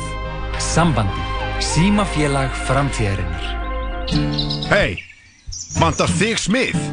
770 60 33 Eða bara Facebook. Samsmiða Matur sem keirir þig í gang. Serrano. Fresh, happy, max. Þú getur hlusta á alla þættina af Tala Saman á Spotify. Já, tala saman heldur áfram á þessum uh, ágæta miðgudags eftirmiðdegi 11. september og uh, það er rigning úti Dag Hjartarsson skáld sittur hann hjá okkur og vorum að ræða áhrifavaldinn Stóra Áhrifavaldinn, ái. já. Þessi eini, þessi eini stóri sem að við erum öll sko, við erum, verðum til úr, sko, hérna, svitadrópunum hans alveg svo, Mhm. það er svona goða, fræðilegt við erum öll sko bara komin á honum og, og hérna öll sem að erum 0,1% eða 70% áhrifavaldar og að honum munum við aftur verða Já, við munum þegar við rólega. Mér langar uh, hafa einn punktur alltaf sem ég vildi koma að í viðbót sem er Instagram og ferðalög Mhm. Já. uh, og áhrifavaldar og ferðalög og ég er aftur með smá tölfræði uh, 1950 þá voru 25 miljónir túrista í heiminum Mhm. það er að segja fólk sem að tjekka þessi í gegnum flugvelli sem túristar. Ferðamenn, 25 miljónir 1950 2009 800 miljónir á, á, á tæmlega 60 árum var úr 25 Í í 800 það var 2009 2018 komið úr 800 miljónum upp í 1,4 1,4 miljard Mhm. það er, við vorum með 800 miljónir ferðamanna 2009, það er alveg mikið. Bara á nýju árum er búið að bætast við 600 miljónir ferðamanna við þá tölu. Já. þannig að út af því að ég held að við í dag við erum svona, jú það er alveg eðlilegt að fólk fari þrís þú veist, eða fólk, fólk ferðast. Þetta er bara svona, Já. svona hefur þetta alltaf verið. Við þurfum ekki að fara lengra nema nýjar aftur í tíman og þá er þetta bara 70% færri ferðamenn, þú veist. Klikkað. Og þetta, sko Instagram er náttúrulega vettfangur sko, og, sko mynda þessi ferðalög rata öll inn á Mhm. Instagram. Það er bara eh, ég held að svona Þau basically gerðust ekki ef þau fóru ekki að Instagram. þau gerðust ekki einmitt, það er einmitt góða pælingin. Og ég held að sko áhrifavaldurinn er sá sem er alltaf á, faraldsfæti þessi eini sannig, hann er síkvikur. Hann er e, á ströndinni einhvers staðar í, í miðausturlöndum bara að spóka sig e, fallegur og hann er e, á Íslandi áhrifavaldurinn er á Íslandi, hann Mhm. fer all, allstar, allstar það sem hann á að vera þar er hann e, að ferðast. Og hann skapar hjá okkur sem fylgjumst með okkur, þessum litlu áhrifavöldum eða einskis nýtu áhrifavöldum. Hann skapar hjá okkur þess svona tilfinningu að, að við séum kannski ekki hamingjusum heima hjá okkur. Að við hérna við þurfum að fara út og, og leita svarinu. Og hann skapar þetta yrðaleysi held ég alla svona auglýsingar eru svona og þú veist, allur þessi myndheimur hann svona potar í okkur, ertir okkur og skapar svona yrðaleysi og hann breytir okkur í svona uh, að, þú veist, við erum eins og hákallar þegar við verðum þú veist, ef við, við verðum að vera stöður í reyfingu annars bara, stegjum við. Og uh, þetta er þessi kapitalíska uh, sko já, bara þe- þessi kapitalíski rússipanni sem er búin til.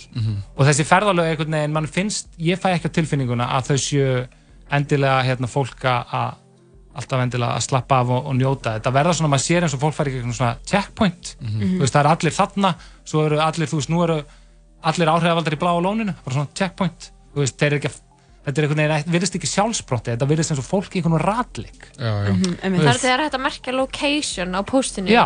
Þú ferð inn, þú getur vis- vistað í mapsjaðir og farið á Instagram Vine Locations. Þetta er Akkurat, mjög einfalt. akkurat þannig að það áttu búin að búa til í alvörunni checkpoint, bara svona, og við erum í ratlik Pokémon Go. já, Við- að leita að ykkur sko. Já, Þannig þetta er að- rétt sko. Leita að hamingunni og svo er náttúrulega hitt sem að er, ef ég gerist alveg hérna, fer í hinsendarspána Endilega. Já, ég er svo til í það. já, ok uh, því að allt er þetta náttúrulega þessi kapitalíski rússibanni sem að færa okkur til að kaupa og kaupa og ferðast og ferðast.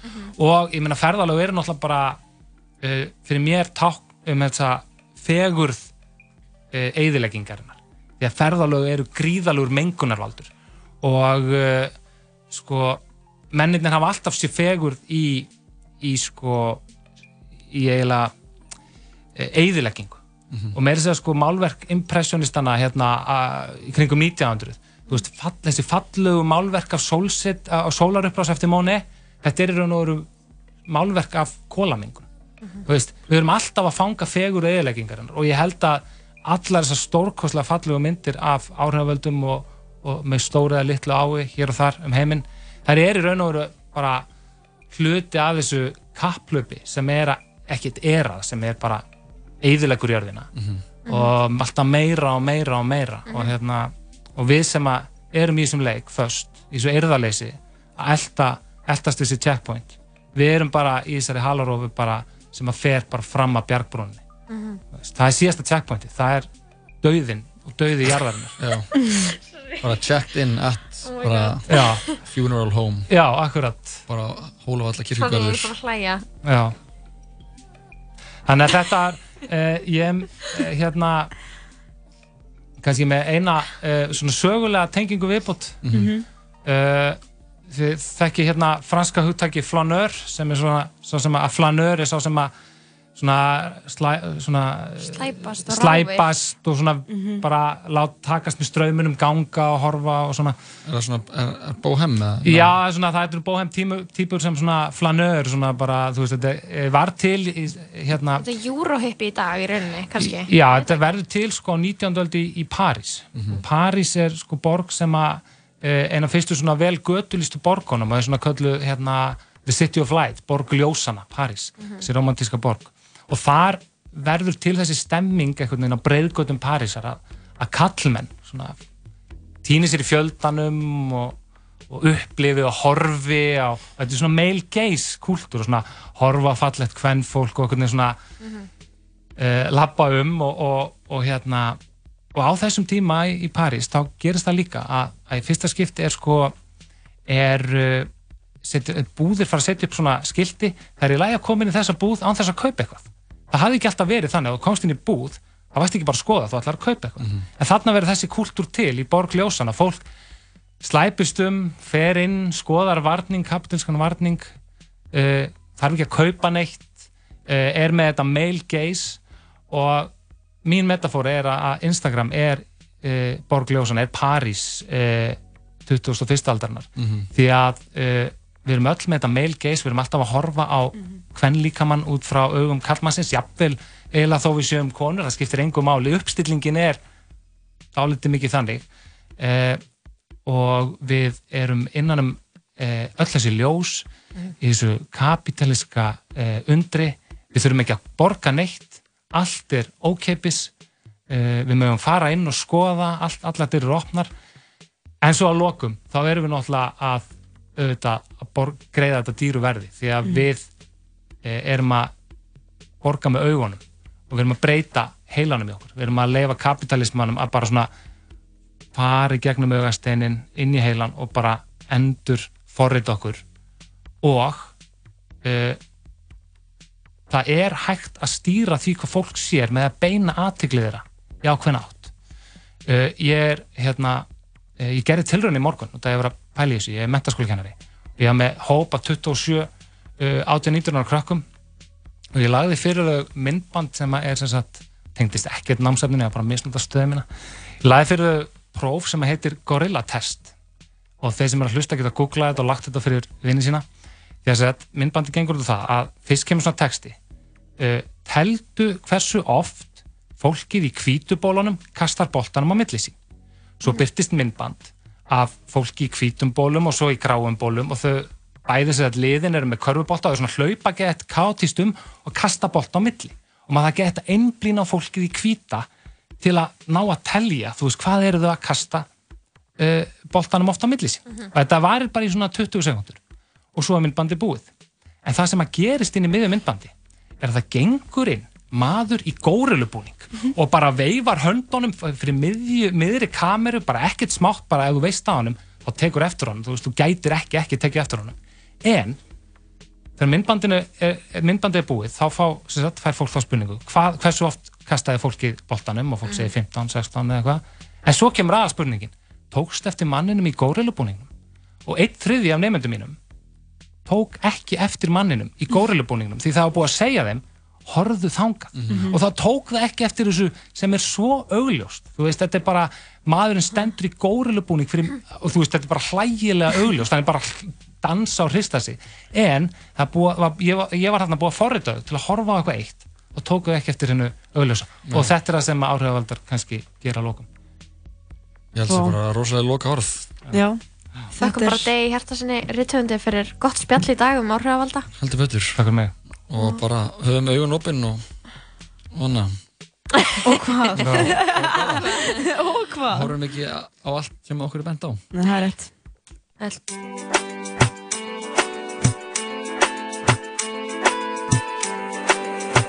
This beat ain't normal. And they call you, you the answer. I say we can call you some more. Yeah, you leave me no choice, so very soon I go appear for your you had that tight dress on when I saw you last night at the club. Even though I had my dark shades on, I was looking at you all night long. I'm in the middle of the street. How did I ever let you leave? Oh no, why did I drink this Hennessy? Ba, ba, ba. And I don't know what come over me. And I just wanna make me come body. Don't want to lose it to nobody, no. My body no go free. And I don't know what come over you. As you see me, so I know about you. I swear to God, you can come out to. You can come out to.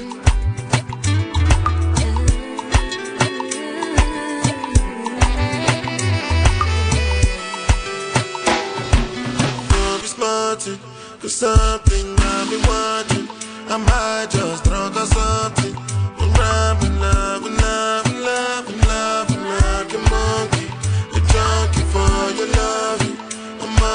be something.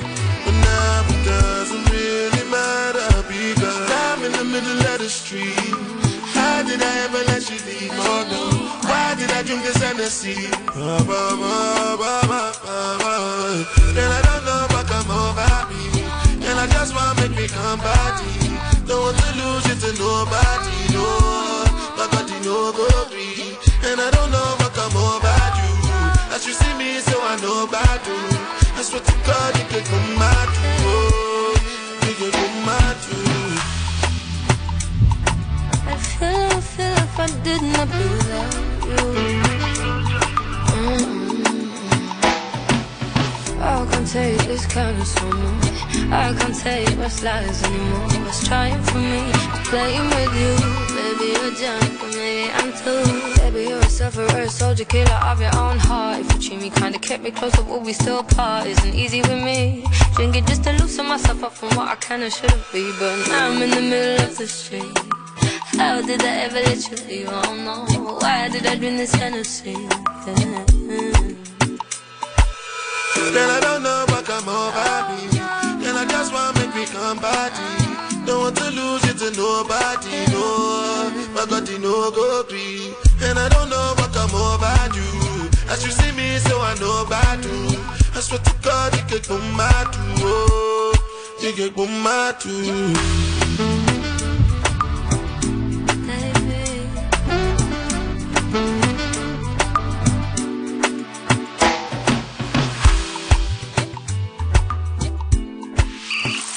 Þú finnur fréttir, þætti og tónlist á heimasíðun okkar 101.live Og ég tykka mér þessi koronu klingur Ég horf á hana og ég allt þetta skilið. Vangaveltur er ég nóg fyrir ykkur? Er ég nóg þegar vísir einslega tón eftir myrkur Og ég tykka mér þessi koronu klingur Ég horf á hana og ég allt þetta skilið. Vangaveltur er ég nóg fyrir ykkur? Er ég nóg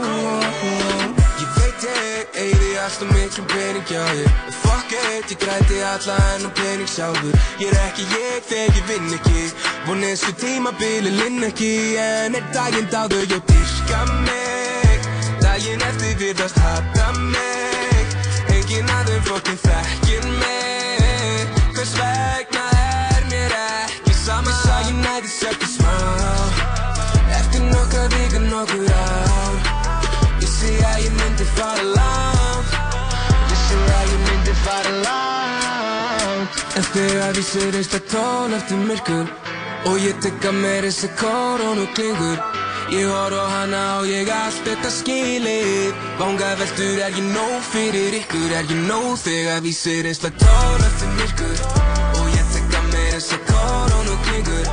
Ég horf á hana og ég allt þetta skilið. Vangaveltur er ég nóg fyrir ykkur. Er ég nóg Ég opna augun, læt svo nokkuð teima á mig Fer út og græð á einu kvöldi sem við græð á mánuði En eitt partí sem ég nenni Ekki neitt að mæta í en alltaf til í penning Hangi með drengjum sem að fara ná í það sem að þeim Langar í en okkur langar ekki lengur sömu hlutina Ég er hróka full og ég veit ég er að vinna í því En ég viss að ég næði sökki smá Eftir nokkra vikur nokkur ár Vissi að ég myndi fara langt Vissi að ég myndi fara langt Vissi að ég náði sæti smá Vissi að ég myndi fara langt En þegar vísir einsta tón eftir myrkur Og ég tykka mér þessi koronu klingur Ég horf á hana og ég allt þetta skilið. Vangaveltur er ég nóg fyrir ykkur? Er ég nóg þegar vísir einslega tól eftir myrkur? Og ég tekka mér þessi koronu klingur Ég horf á hana og ég allt þetta skilið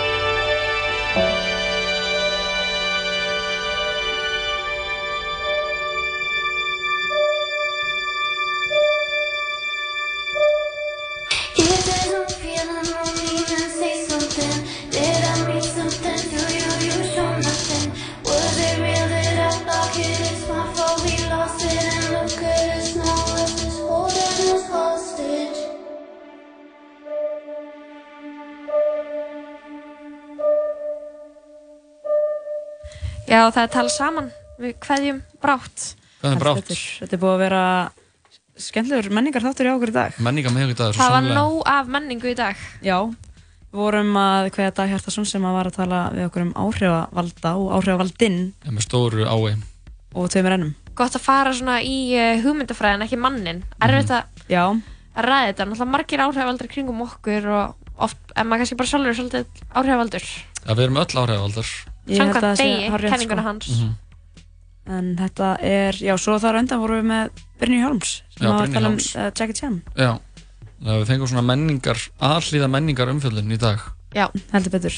Og uh, sé, það er bara fyrir að koma tíma á við kveðjum. Það er Já. komið að leiða lókum. Komið að leiðalagum í dag. Við verðum hérna aftur á morgun með pakkan þátt og, og að þú kemur aftur til okkur á föstudaginn. Já, heldur betur, ég og þú, Jóhann, verðum saman þá. Já, ekki þú lofa. Nei, ég var fjari góðu gamni. Þú eru fjari Viltu góðu segja gamni. okkur hvað það ætlar að fara að gera? Nei, Lindó. Er það Lindó? Já, Lindó. Ok, ok. Fylgjast með Lóu á Instagram til að sjá hvað hann gerir. Nei, ég, veist, veistu, ég er bara búin að eigða Instagram og ég er bara ætla að byrja að lesa bækur. Ég nennis ekki lengur. Og verður komin aftur á. Einmitt. Nei, nei. Við þakkum fyrir okkur í dag. Enda þetta á Liss og True Thirst. Kiss, kiss. Bye, bye.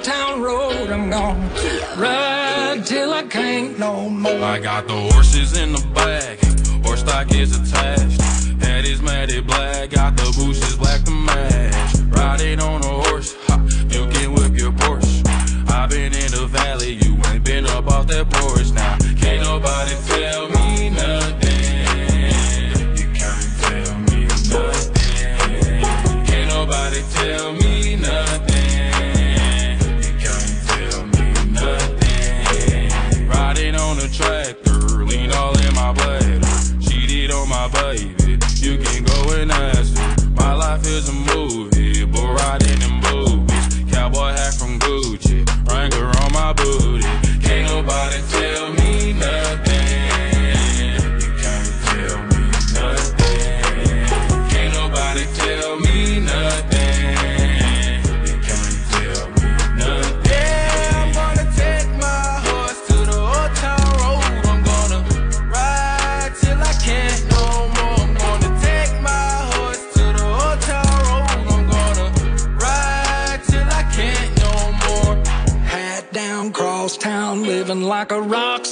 Spend a lot of money on my brand new guitar. Baby's got a habit, diamond rings, and Fendi sports bras. Riding down Rodeo in my Maserati sports car. Got no stress, I've been through all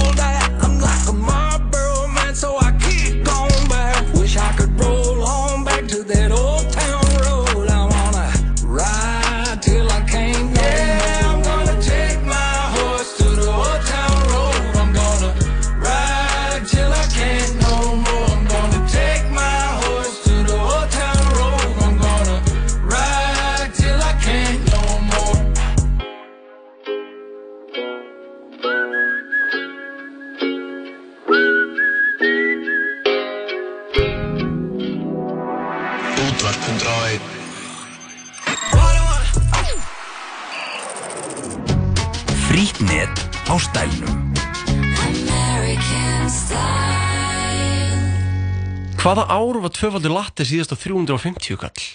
Morgunbollin frá Joe and the Juice á laugavegi og nýjum stað á Hafnartorki. Alla daga frá 8 til 12. Velkomin í sambandið. Símafélag framtíðarinnar. Bíó í kvöld Þú getur valið úr meirinn 800 kvikmyndum inn á Stöð 2 Marathon sem þú getur hort á hvar og hvenar sem er. Tryggðu þér áskrift fyrir aðeins 2990 krónur á mánuði á stöð2.is Þú ert að hlusta á Útvarp 101. Útvarp 101 FM 94,1 Í bytni úr miðbæ Reykjavíkur.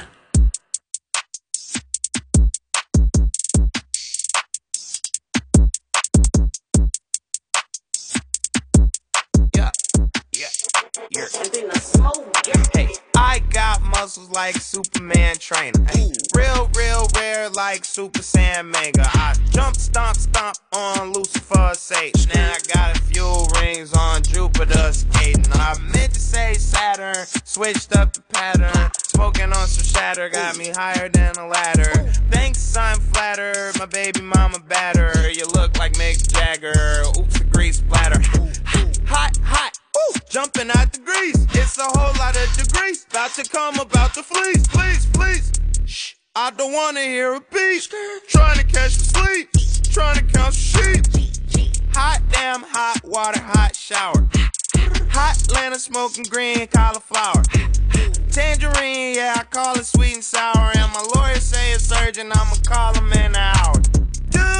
I just called a plug and his phone was unplugged. I was looking at Doug like, dude, that shit don't even make no fucking sense. Like having